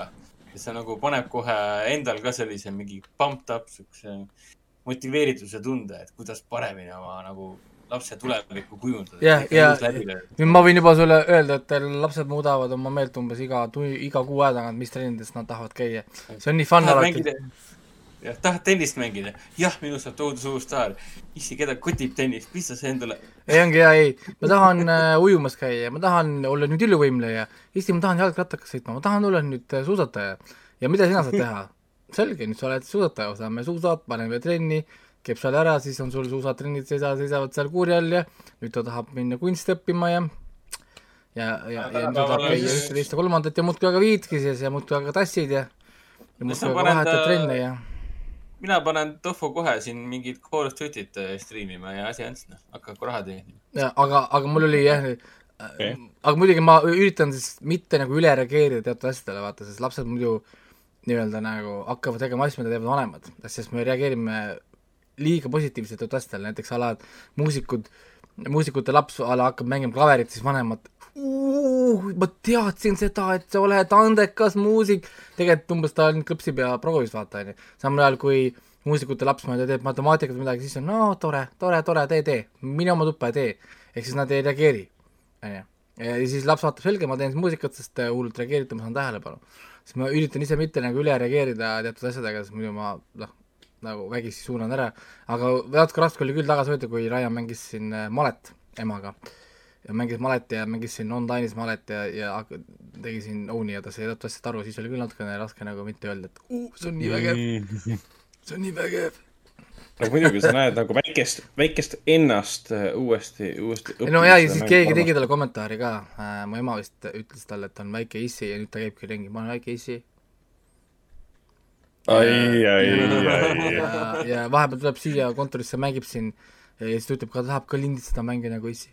et, et ta ei taha Mm. et ta ei taha midagi, mingit, midagi muud teha, igavat teha või ta, ei, ta ütles, et ta ei taha midagi, et, et, et ta ei taha neid igavaid asju teha. no selge. nojah, nojah. kõik muu on igav äh, versus, versus see, mida issi teeb. nojah. Ei no jaa, et ei ongi, et tema kodus näeb, et seal mängitakse, vaadatakse filme ja siis keegi ütleb talle, sa pead minema nine to five tööle, pead istuma kuskil kontoris ja lööma numbrid arvutisse, siis on nagu, et öö, ei pea, ma ei taha. Nojah, tegelikult küll. aga noh äh,, varsti ma räägin, varsti läheb äh, kõik äh, füüsiline labor läheb uus teemasse jälle, kes oskab äh, mulda äh, künda ja kes oskab asju istutada ja nii et kõik, kõik need influencer'id ja, ja, ja, ja, ja videoeditorid ja muud tegelased äh,, back your bags nojah, sest jah, sest meil ei ole varsti enam mitte midagi, mis puudutab infra-, infrastruktuuri, elektrit äh,, internetti, et on vaja käed mulda panna ja elada nagu tõde, tões õiguses. aga, aga, aga mitte siis siin panna noh. mulda, sellepärast et see muld, muld on kergelt alfa-lainelt täis, et äh, ma kaug-, kaugemale õigus, õigus. Radioactive, radioactive. mm.. kuule, aga ma vaatasin vahepeal siin viimaseid uudiseid ka ja viimane asi, mis oli see, et siin Valgevenest äh, lastakse rakette äh, Kiievi, Kiievi lähedale linnadesse praegu lastakse või? äh,. siin. Aa, oli jaa, ma nägin ka mingisugust, tunnike tagasi, mitte Kiievit, vaid äh, Kiievi lähedal mingi üks, linn. äh, mingi kino, kino, kinohoone lasti puruks. ja siis Kinohoone Seli- ja- Zelinski ütles täna, et ta on valmis minema sinna Valgevene piiri peale läbirääkimisi tegema. enam ta küll ei lähe, mis asja, pommitavad ju. mis kuradi läbirääkimisi siis ja, pidama? ja see ja, ja Valgevene vist alustas mingi referendumit eemaldada see tuumarelvade kasutamise neutraalsus endalt või midagi sellist ka. jah, see on see Valgevene referendum.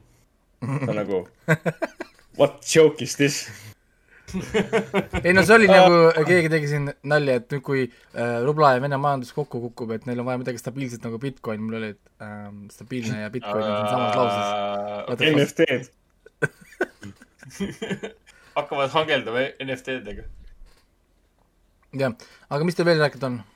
Uh, igatahes, igatahes King Richard, minge vaatama, fantastiline film, väärib kõiki Oscari nomme, üks tugevamaid Oscari kandidaate, mis puudutab siin Best Picture ja Best Actor race'i. tõenäoliselt ka üks suurimaid üllatusi, sest mina küll ei arvanud, et selline biograafiline draama võiks, noh, ma ei tea, mulle ülemääraselt korda minna, aga ometi läks äh,. Lagritsa pitsat Paul Thomas Andersoni ehk siis PTA või PTA uut filmi me vaatama ei jõudnud minna äh,. Aga vaatasime ära tema retrospektiivil selle There will be blood'i ehk siis veri hakkab voolama ehk siis äh, Daniel Day-Lewis'e absoluutse Tour de Force'i mina nägin seda filmi tõesti viimati siis, kui ma käisin seda esimest korda kinos vaatamas, kui ta oli kinos. aasta oli kaks tuhat seitse. ja, ja nüüd ma nägin seda siis uuesti, esmakordselt, esmakordselt uuesti võib vist, võib vist nii öelda. ma vaatan päris palju filme uuesti, nii et alati võib öelda niimoodi, et ma vaatasin esimest korda filmi uuesti. ja kurat, kui hea film, niimoodi tõmbab sisse ära selline western draama. Kuidas ma seda nimetan, jah, western draama põhimõtteliselt, westernlik draama. ja ta on lihtsalt nii haarav. Ja kogu see Daniel Plainview karakter ja kuidas tema püüab maailma enda kontrolli all hoida, oma haardes hoida, see on lihtsalt pöörane. ja, ja noh, ma olen tegelikult päris vähe äh,, ma võin või ausalt välja öelda, et ma olen päris vähe BTA filme näinud tegelikult ja et Veri hakkab voolama on kindlasti üks kõige tuntumaid filme minu jaoks, mis ma siis BTA-lt näinud olen. no Aga- aga... enamus inimesed on ikka näinud Boogie Nightsi ju ka, Boogie Nights on ju Boogie Nights jaa, täpselt jaa. tavaliselt, mida kõik, mida, mida kõik on näinud. Mul on nii mõnigi uuem nagu nägemata, et siin Inherent Wise oli siin selle äh, Joaquin- Phoenixiga ja, ja ag- ag- Lagritsa poi pitsa on muidugi nüüd vaatamata, et noh, võlgnevusi nagu on. aga kurat, see film on tõesti selline, et kümne aasta pärast vaataks uuesti poisiga, et noh, poiss, siin, siin samamoodi see HW on siin tema see, mis ta on siin, kaheksa-üheksa aastane või? See on ikka, see on isadepäeva film, see on iside film nii-öelda Mm. kuidas olla ja mitte olla isa, võib vist nii öelda või? ja muidugi ärme, ärgem unustagem seda HW näitleja, ma ei tea, kes see näitleja on, hullult ägeda rolli teeb see väike poiss ikkagi, täiesti, täiesti crazy. ja siin ju mängib see täiesti hullumeelne Paul Teino ka seda Paul Sunday'd, seda, seda kirikuõpetajat. no on ikka hämmastav range on sellel Paul Teinol. nagu hämmastav, kuidas võib üks näitleja kätte võtta ja, ja sellist karakterit kisendades ja röökides ekraanile tuua. kord kisendab tema teiste peale, siis kisendatakse tema peale. kord äh, veab äh, tema inimesi läbi muda, siis veetakse teda läbi muda. väga füüsiline roll ikka, täiesti lõpp. nii kusjuures seda, seda HW Plainview, kui ta väike oli, mängis siis Dillian, Dillian Fraser, ah,, kes, kes rohkem, ja see oli tema esimene ja seni viimane filmiroll. minu meelest ta tegi nii ägeda rolli ja see oli tegelikult väga raske roll ka, eriti veel pärast seda, kui ta selle äh, kõrvakile tal põhimõtteliselt katki läksid filmis. Aga ei jah, täiesti uskumatult võimas film, selle kohta pole midagi öelda. et äh, liiga varases nooruses seda vaadata on võib-olla natuke veider. sa ei oska seda hinnata, sa ei saa aru, miks on kaadrid liiga, nii pikad näiteks, miks me näeme vaikuses, keegi ei räägi midagi, teatavaid sündmuseid, aga mida vanemaks sa saad, seda rohkem sa oskad seda hinnata. mida tahetakse kaadriga öelda, miks kaamera liigub niimoodi, miks me näeme neid tegevusi ja see ei ole mingi kunstiline punni, punnitatuus, see on selles mõttes lihtsalt tegevus, mida me näeme pealt. ja see on motiveeritud tegevus, see on mis iganes, aa, me lähme neid faasaneid või linde tapma, tegelikult me lihtsalt skaudime seda piirkonda välja, kus nendel inimestel, kes andsid meile just piima, on kuskil peidus äh, nafta ja meil on vaja see kätte saada, ilma et me neile seda ütleksime. ja selle faasanite kõigega on nii palju huumorit ka, nagu sellist mõnusalt tahtmatuna mõjuvat huumorit Mm. eriti kui sa vaatad teist korda, sa juba tead, mis selle, selle, selle, selle tema, ma ei tea, meeldiva naeratuse taga tegelikult on see Daniel, Daniel Blaine, Blaine, naeratuse taga tegelikult on. tema räägib ühte juttu, tema on nagu täielik poliitik, tuleb, räägib sulle, et me hakkame nüüd niimoodi naftat siin kaevandama, et teie kogukond hakkab õitsema, meil tulevad kõikide, kõik töötajad tulevad meil siia spetsiaalsete rongidega, nad võtavad kaasa oma perekonnad, me oleme kogukond ja samal ajal selle jutu taustal ta näitab meile siis neid töölisi, kes Jah. elavad pisikestes telkides ja mitte mingit perekonda kunagi ei ole ega tule ka sinna.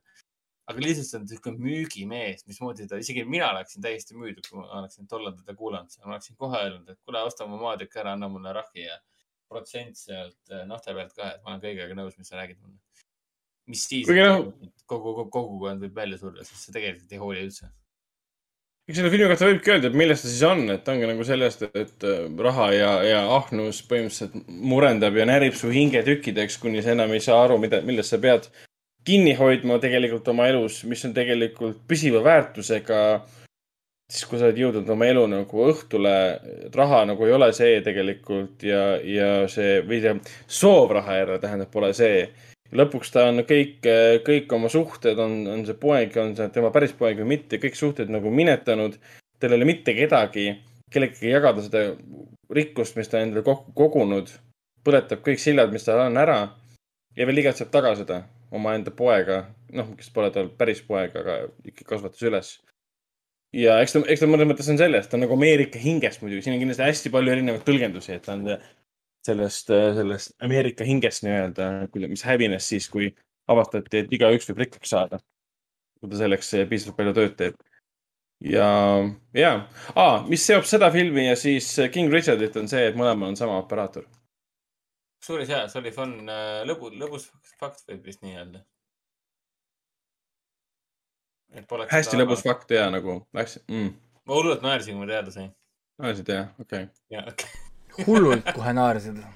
jaa, ma ro- rohvlisin. aa, rohvl jah, rohvl on ka. jah, vana hea rohvl, see on ikka veel olemas. kaks tuhat viis helistas, tahab oma lühendit tagasi. vot, aga siis saamegi tegelikult siis joone alla tõmmata ja rääkida tulevastest, tulevastest filmidest. jaa äh,, Foorum Cinemas kinodes saab järgmisest nädalast äh, vaadata sihukest toredat asja nagu Batman ja esimest Batmani saab näha juba teisest märtsist Coca-Cola pla-, esimest Batmani seanssi, vabandust äh,. saab vaadata siis teisest märtsist Coca-Cola Plaza's. mis päev see nüüd on? emo Batman, emo. Batman. on emo, see on kolmapäev või?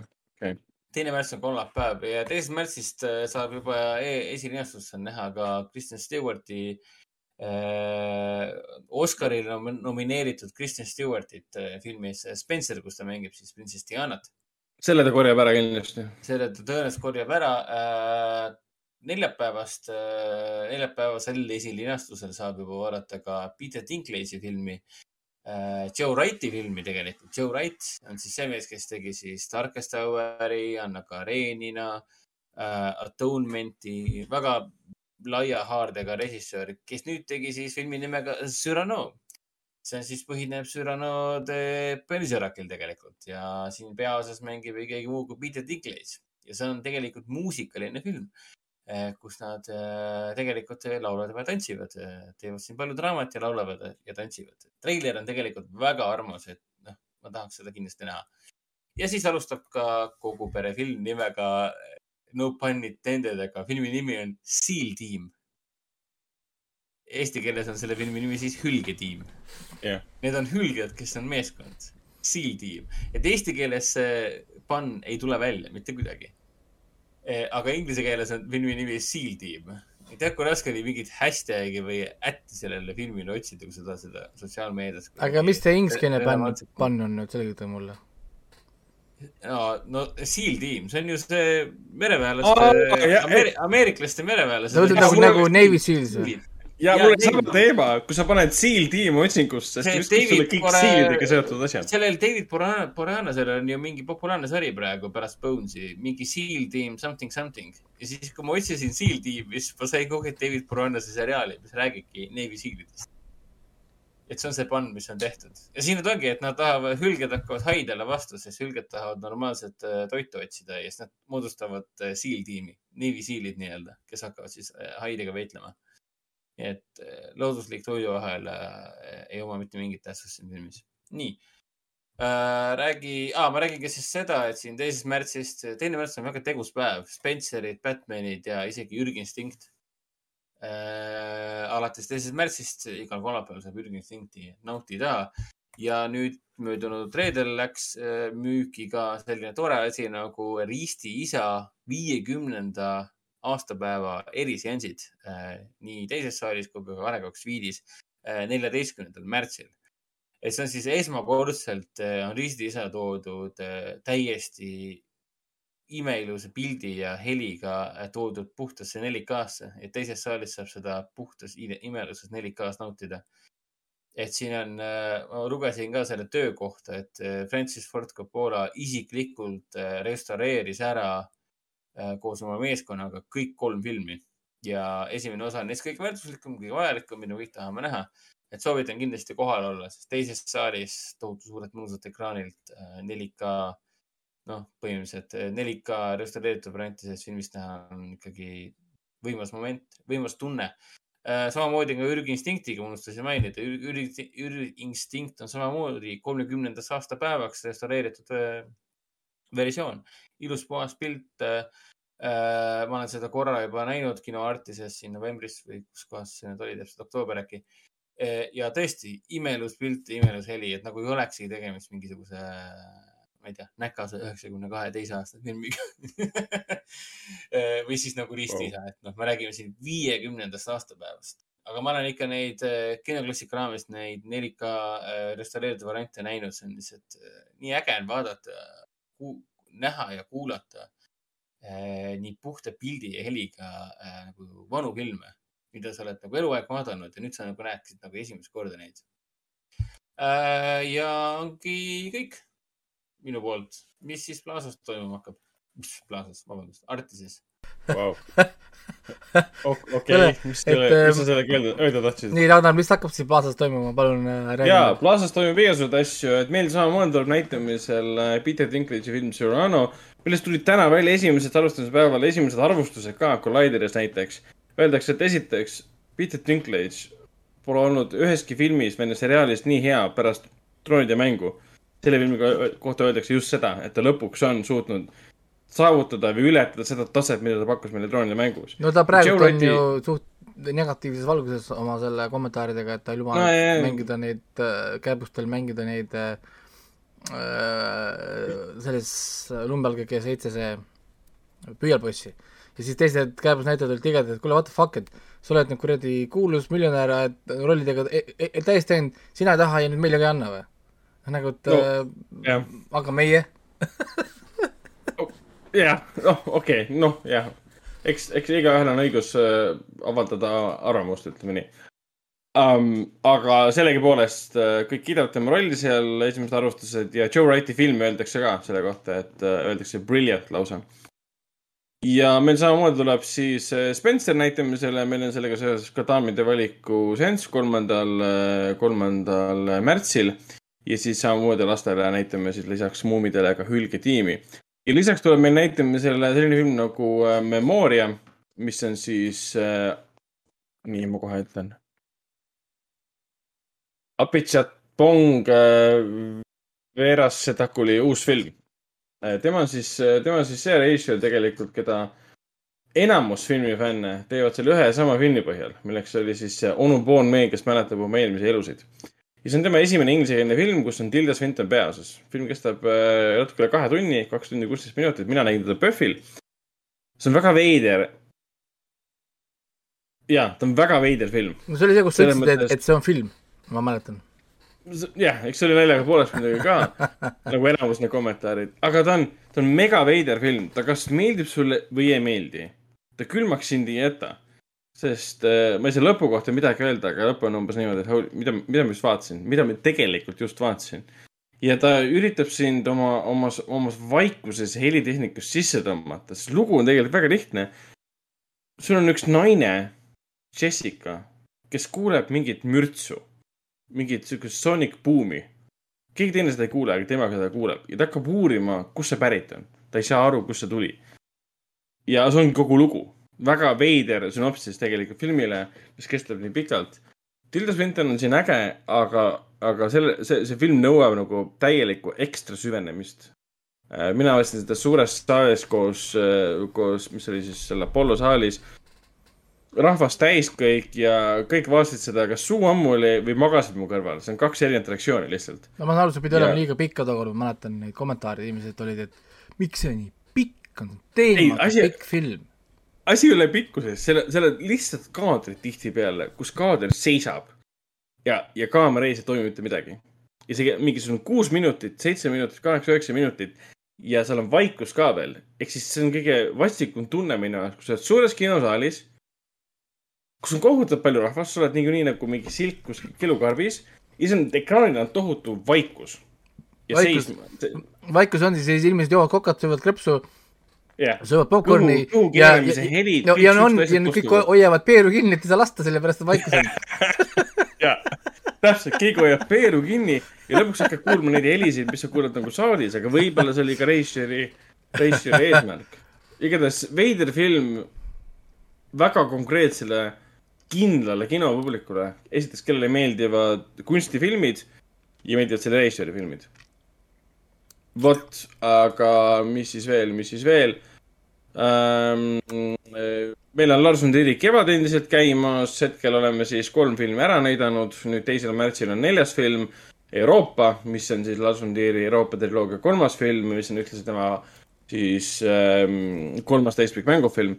ja pärast seda juba tuleb siis äh, Laineid äh, murdes, mis on siis suures saalis, esimesed äh, kolm filmi olid meil väikses saalis, avafilm oli siis suures saalis. Ja Laineid murdes eelmüügi põhjal on jah näha, et sinna ikka inimesed väga hästi teavad Laineid murdes, Idioote, Dogville'i, Mandalay. aga varasemaid filme inimesed nii hästi ei tunne, et praegu on kohale tulnud pigem need äh, Terry nii-öelda fännid või huvilised, kes ei ole kunagi tema varasemaid asju näinud. ega pole tahtnud neid vaadata kuskilt DVD pealt. vot, aga jah, see on kõik tegelikult, ega meil äh, uudiseid hetkel väga siin rääkida pole. Sest äh, filmi uudiseid, täis. filmiuudistega on keeruline praegu teha, et erinevad, ma kujutan ette, kuidas praegu filmisaidid ja mingi mängu review saidid ja asjad praegult äh, siplevad, et saada kõike vaatamisi, sest people don't care. praegu kõik tahavad teada, kes vajutab esimesena seda punast nuppu ja, ja mis siis saama hakkab, et nojah, täpselt, et äh, see on, raske on keskenduda sellistele, sellistele nii-öelda mõttetutele asjadele, kui sul võib olla teade, et äh, äh, Ukrainat enam ei eksisteeri, maailmakord on muutunud, tere tulemast kolmandasse maailmasõtta. noh, kõik võib juhtuda, vähemalt selle inimesega, kes seal praegu äh, riiki juhib, Venemaal siis jah, aga ei, eks mingid uudised on kindlasti olnud, HÖFFist juba natuke rääkisime, HÖFFi passid on müügil, meie oleme ka HÖFFile minemas, seal on esimesed filmid ka välja kuulutatud. Võib-olla tulevad, tulevadki mõned, mõned üllatusfilmid sinna ka. ja jah, et kui midagi rohkem lisada pole, siis saamegi, saamegi lõpetada, palju meil kokku tuli? kaks tundi praegu. oota, ma saan korra vaadata, mis filmid nad on välja kuulutanud, kus ma näen neid praegu uh...? HÖFFi kodukul, seal oli see Anna-Li äh, Amnipuri uus film, see, kes selle tüdruk, kes kõndis üksi koju tegi ja Bad Batchi, tema uus film. oota, kus ma näen seda? ma panin lihtsalt HÖFF otsingusse Google'isse, alustada kohe. sooduspaki, sooduspassidega piletite müüki? ja, ja siin välja toodud ka siis äh, Paul Andrew Williamsi aa, see Pull, film, äh, see see on see film, mida ma kiitsin teile. aa, kiitsid jah? ja ma ütlesin, et see oli, kui te, kui te küsite mu käest, kas on mõni hea film, mida ma olen näinud. aa, õigus oli küll jah. siis ma mainisin äh, Bull. Aga kas sa seda Mona Lisa ja Verekuu ka nägid või? mm. -hmm. okei okay.. selge.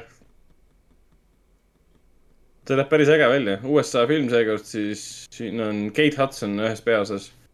ja Greg Robinson ka, Ed Skrein ka tegelikult, tuntud näitlejad kõik. jep, see on see, kus kohas äh, Kate Hudson on äh, prostituut, kes hakkab ära kasutama ühte tüdrukut, kes hullumees põgeneb. As you do, as you do, jah, see kõlab loogiliselt. võttes arvesse Kate Hudsoni karjääri. okei okay,, see oli halb nali. kus kriketid on oota, kriketid juba on siin, kriketid tulevad ah,? aitäh sulle, aitäh sulle. et ei, seda ma, seda ma nägin ähm,. kusjuures ma, selle kohta ma minu arust, ma ei tea, kas ma, ma ikka võin öelda ju, mida, mida ma arvasin, ilma et ma filmi spoil in endale, see on ju fine. et äh, minu arust ta- mina ütlesin, et see sobib Õhvile väga hästi. aa, okei okay,, siis on, siis on kõik hästi. Jaa. sellega on kõik öeldud. jaa, et ma rohkem muud, muud ma, muud ma ei ütle, selles mõttes, et ma ei ütle hea või halb või, või midagi. aga, aga jah ähm,, ma mõtlen, mis, mis nad sinna, mis nad siia veel on pannud, nad on pannud siia ähm, kas me hakkame vaikselt lõpetama või? ja me kohe lõpetamegi, ma korra tahtsin näha, mis filmid nad on välja kuulutanud, et mis need siis äh, lõplik valik on. aa, Hõhvi valik või? jaa, aa, okei. et hetkel on avalikkuse ette toodud äh, kaks, kaks filmi. ainult kaks või? jah, rohkem pole midagi. aa, okei. ja aga ma igal juhul seda Pull ma soovitan küll, see film on nüüd välja öeldud ilusti, nii ma võin ka öelda, et äh, soovitan vaadata filmi Pull. olge valmis ka äh,, ärge lapsi kaasa võtke et äh, kui, kui võikad filmid ei meeldi, siis äh, ei ole võib teile. et, et väga toores, ilu-, ilus, korralik ah,. kui teile meeldivad Korea, Korea kättemaksufilmid, palun väga, Pull on teile uh.. okei, väga hea, mulle sobib.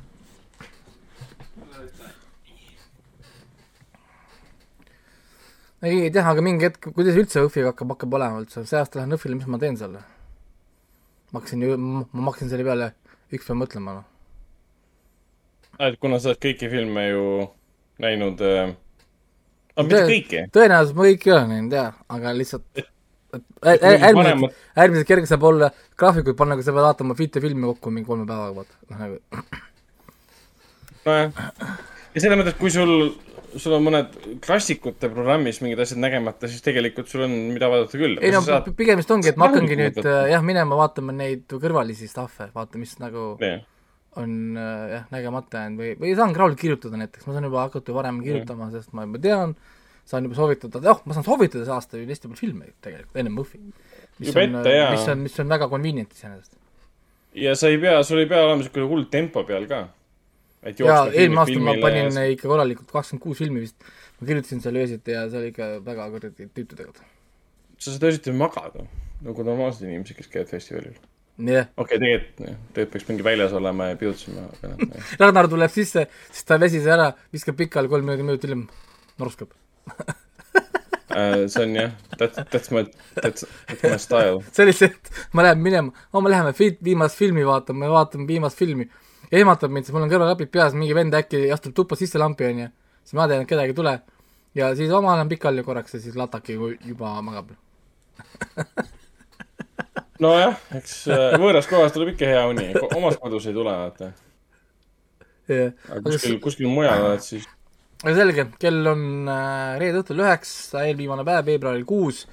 nii et äh, loodame, et märts tuleb päiksega, mitte muude valgustega kuskil kaug-, kaugel. ja, ja kõik on hästi. koidik ikka tuleb. no enne ei no koidik tuleb igal juhul, et oleks ka inimesi, kes seda, kes, kes seda näevad. Hea küll. okei. ei noh, nali naljaks, ma olen praegu lihtsalt mures Kiievi pärast ja, ja üldse Ukraina pärast, et nad ei peaks nii palju kannatama. ja et, et Venemaa läks minema, et nad saaksid gen- genotsiidiga edasi minna, see on pooleli jäänud. tobel. jaa, täpselt, genotsiid jäi pooleli, nad ei saa narko, narko, narkotsi teha. et Ukraina narkomaanidest ja natsidest äh, bandiidid saaksid oma genotsiidi edasi teha. Eks nad peavad pärast guugeldama, et äh, ega selles mõttes ka, kui inimesed tahavad tõesti va, vaadake neid Ukraina dokke sellest, on mingi miljon dokki sellest erinevatest asjadest. võtke mõnda, mõnda lahti, hakata vaatama erinevaid sündmuseid, sest äh, jah, Ukraina pole ju mitte sõjas olnud juba mingi viimased kümme aastat, nii et seda küll. aga selge, meil jäi siitpoolt o- otsa, asjad kokku, otsad kokku arvatavasti. jah, kommentaare ka vahepeal pole olnud. Andrei mainis midagi seoses, nagu oleks valemi järgi tehtud multikas. ma, ma ütlesin Katost, ma arvan. me lastega Aa. vaatasime kusjuures ka ainult Katot natuke aega, vaatasime kolmkümmend minutit või nii ja siis nad ütlesid, et me peaks vaatama Mu- Moanat, hakkasime vaatama hoopis Moanat, sest nad ei viitsinud seda rohkem vaadata. kuidagi väsitas ja ma ei tea, see, ma ei näe ka, et see lastele peaks nagu peale minema üldse, et see on, seal kusjuures ei ole nagu midagi äh, kusjuures neile, neile, neile meeldivad Tobey Maguire Spider-manid. Õigesti kasvatatud lapsed on sul, kurat. seda on ilus kuulda lihtsalt. et Ah. ja, ja, ja, ja siis nad äh, nüüd ongi, et nad nüüd on jõudnud siiamaani, et tahaks näha nüüd uut triloogiat. ja siis nad täna käisid mulle päev otsa pinda, tõlgi meile, tule vaata meie koos tõlki, mida nad räägivad seal filmis. ma ja, ja ma pole veel neil seda tõlkima hakanud, nii et eks me, eks me, eks, eks, eks me näe. Ma hea meelega tahaks juba, et oleks mingi 4K väljas ka sellest äh, No Way Home versioonist. see nüüd kohe äh, aprillis ja, ja siin, seal olevat kakskümmend lisaminutit ähm, kõigist äh, kolmest äh, siis nagu, nagu tegelase, kas me võime spoilerdada seda praeguseks või? muidugi, nad on kolmekesi inter-, intervjuusid andnud, värki ja kõike jah, igatahes seal on kolme Spider-man'i lisamaterjal ja ma ei tea, mida see tähendab. Et kas siis filmis on lisa kakskümmend minutit, mis jäi välja, välja nagu jäetud stseenid või need filmi sisse mõeldud on välja jäetud stseenid või kuidas see on tehtud, aga nimelt väidavad vähemalt, et see, kakskümmend see, see, see film on ikka veel Foorumist siis äh, kabas või? jah, ei no muidugi, see on ju siiamaani selle top seitsmes. ta ei ole kuskil striimingus, ta ei ole. nädala ja, kuskil, miks ja ta pole striimitav ja ta on sellest top kümnest, mis puudutab siis seda nädalavahetuse ja nädalavahetuse filmi, pole sealt lahkunud kordagi. nojah, Sony praegu mõtleb, et miks me tegime aastaid mingit sittu, kui me oleks võinud teha terve aeg Spider-man'i kogu aeg. ja nagu, aga nad tegidki aastast sitta sellepärast, et tuleks Andrew Garfieldi filmid. et saaks teha selle kolmanda Spider-man'i, et seal oleks kõik kolm Spi- Spider-man'i see oli kõik plaan, see oli, see oli kõik pikk plaan, kolmkümmend aastat planeeritud. see ei olnud, see ei olnud kukkusattumus, see oli kõik nii planeeritud. Künname sitta ja seal tärkavad uued taimed, ilus loodus. kusjuures ma na- natuke tunnen kaasa meie lastele, kes kunagi mõtlevad, oh ma vaatan kõik MCU asjad ära. siis nagu, vau. okei, mingi kolmekümne aasta pärast, ma ei kujuta ette, nemad hakkavad MCU asju vaatama, mingi MCU Phase kakskümmend on siis ju võib-olla juba. mingi seitsekümmend, seitsekümmend kolm filmi, kakskümmend üheksa sarja ja ma ei tea, mingi mängud ka kindlasti. kusjuures mingid Jaa. mängud on kindlasti, mis lähevad mingisugusesse kanonisse ja, ja mida iganes veel, kusjuures ma imestasin, kui nad võtavad selle Guardians of the Galaxy mängu ja siis selle Marvel Heroes'e Mhm, mängu mhm. need ka kuidagi sellesse äh, sisse. ja siis ongi umbes see, ütled lastele, et aa, siis vaata kõik eelmised filmid ka ära. isa, seal on seitsekümmend viis filmi. ma ei vaata neid ära. millal, ma ei vaata aasta jooksul nii palju filme. kuidas, miks sa peaksid arvama, et ma vaatan seitsekümmend viis filmi ära enne ühte uut filmi? ja see on aga ei, nagu- vaata kui head filmiõhtud. et see on nagu täna umbes kellelegi öelda, et kuule vaata kõik Star tracki ära või ma ei tea, vaata kõik James Bondi filmid ära. no jaa, et lihtsalt vaatad mõne õhtuga ära või ei. see on pikk See- pikk protsess, see võtab aega, eriti Star track. vaata kõik Star tracki ära, siis on see, et palju seda ikka saab olla, siis paned Star track Vikipeediasse nii näed, ups. võta lahti Aa, oota, oota, hmm. how many TV shows, how many seasons How many episodes, what the fuck is this, onju. ja, ja oledki juba lõksus ja oledki juba läinud. no täpselt. ja selleks ajaks on äh, kolmekümne aasta pärast on kindlasti juba mingi. oo oh, jaa, ei siin on juba, nad on kuulutanud, nad on nii või- palju välja kuulutanud neid juba ka ju, neid erinevaid ähm, On jah? Star track jaa muidugi, Star trackid ei kao kuskile. Star track on jah. konstantselt tulemas kogu aeg, see, see on nii lai universum. Star track on hea näide, mida saaks teha, kui sa tahaksid teha, ehk siis Star Wars, õppige. jah, eks nad nüüd vaikselt äh,, vaikselt. õpivad vaikselt. nüüd nad, nüüd nad õpivad selle Mandalorianid ja Boba Fettid ja mis siin kõik tulema hakkavad, tegelikult on ju Star, nad teevad Star tracki nüüd. jah, põhimõtteliselt jah, saad aru, et äh, aa, kuule, vist ei tööta miski. Rahvale vist ei meeldi, kuigi raha, raha teeniti ei korralikult. no nad lihtsalt tahavad, et äh, noh, nüüd nad hakkavadki expandima universumit, mis tegelikult oli ammu juba küsitud, mingi juba miljon aastat. miks te kirjutate koomikseid, aga meil ei anna ette seda mujal nagu filmides, noh, mis selle point on, vaata. aga selge, te, me nüüd me juba rändime, teeme Mardot rõõmsaks siin praegult ähm,. jaa ähm,, paneme jah kinni ära, muidu me jäämegi siia. Mul poiss tuli ka rentima siia vahepeal, et ta tahtis ka. ma nägin ja väike, väike poisuke piil, piilus. väike, see ei ole enam väike, see on juba niimoodi, et ta on, et ta juba pool tema maksab renti teil juba seal. no ära, ära jah maailmale näita, mõni teeb mingi screenshot'i ja siis mingi vaja meel. viivi näidata ja raha hakkab tulema. ära beebis näita jah, keegi teeb screenshot'i ja pärast sa leiad omale oma lapse kuskilt interneti me-, me-, menüüst. mina olen väga pelglik, nii et mulle hääles meeldib. korra jäi kaadrisse, ehk siis tegelikult Raiko peab jälle, okei okay.. jah, jälle mida tegema ei, ma ei tea, ma ei tea Jah,. selge, aga Hendrik, on veel midagi öelda, enne kui me kotid kokku pakime?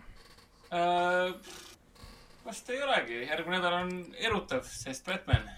vot, tead, siis on, jaa, Batman'i tegijatel on kindlasti väga hea meel selle üle, et ähm, et praegult on Batman, sõda. Et ja. ma kujutan ette, kui hea on PR-tiimi seal olla umbes, et oo, me kuidagi oleme Covidist läinud mööda, Spider-man tegi meile hea tuju, et Spider-man, umbes need inimesed on kinodes värkis tagasi. oota, mis, mis hooned nad seal õhku lasevad seal äh, Ukrainas? kinohooned, oh fucking hell. aa, kinosid ja lastehaiglaid, aa. inimesed vist ei taha Batman'i vaatama minna või? Inimesed tahavad näha kolmetunnist e emotsevat Batman'i, kes on kuri. no praegu on üldse, üldse Mm. praegu on üldse nii raske nagu teha reklaami, ma olen ka mõelnud, et tahaks teha hobigeimeril poele mingit nagu kampaaniat, aga ma ei saa teha. sest ükskõik, mis ma mainin, ma olen mingi douchebag, sest kõik on kuradi Ukraina, vaata. noh, ma jah. ma ei saa öelda, ostke videomänge, sest umbes aa, näed, et peaks tegelikult ütlema, ostke konservi, kiirmakarone ja kuradi müslipatoonikesi, onju. ja võipakke, võipakke on ka vaja kindlasti. et jah Jah., et niisugune keeruline aeg on jah, PR inimeste jaoks ja kuskil Warner Brothersi kontoris on praegu inimesed, kes hoiab peas kinni, et no ma loodan, et see ei lõpe sellega, et nad ütlevad, et lükkavad filmi edasi või midagi. kuule, aga rääkides asjadest, mis edasi lükati, siis selle Fantastic Beasti kolmanda osa treiler lükati küll edasi. see pidi kahekümne viiendal tulema. ja ma nägin ka seda. see lükati edasi. aga seal pole ju Johnny Deppi, nii et uh, who cares. kuidas? Selle filmis pole Johnny Deppi, nii et uh, who cares. no seal on Mads Mikkels. Nope, still don't care. no ma olen sinuga nõus, sest mina olen äh, tiim, tiim Johnny niikuinii. aga eks neil oli see, et nende peamine see uus äh, reklaamikampaania seisnes selles, et nad ütlesid, et Dumbledore's Army nagu seal viiendas või kuuendas Potteris teemaks tuli. Et noh, aga ma arvan, et Dumbledore'i armee ei ole just asi, mida sa tahad praegu kuulata, et oo, see armee saabub aprillis. see naudi uut armeed, mis sinu hinda tuleb. jah, et ohoh, jaa. külastage Jaa., külastage Venemaad enne, kui Venemaa külastab teid, nii et uh, that's a guarantee. That's a Putin guarantee. okei, nali naljaks uh,. jaa, kuule, jaa, lõpetame ära. Meil on uh, osad vaatajad veel alles isegi. okei okay., wow. aga siis uh, tõmbame, tõmbame joone alla ja järgmine nädal räägime ainult, ainult Batmanist uh, ja muidugi valetame, me räägime Ukrainast veel, aga enamjaolt räägime Batmanist ja, ja äkki teeme ka erisaate, kus me räägime Batmanist, sõltub, milline meil tavasaade on. jah, vot. okei okay,, ma kohe panen siis outro peale, saatejuht küll enam ei kuule outrot, aga, aga sellegipoolest. nii, tšau ja järgmise Tšau. korrani.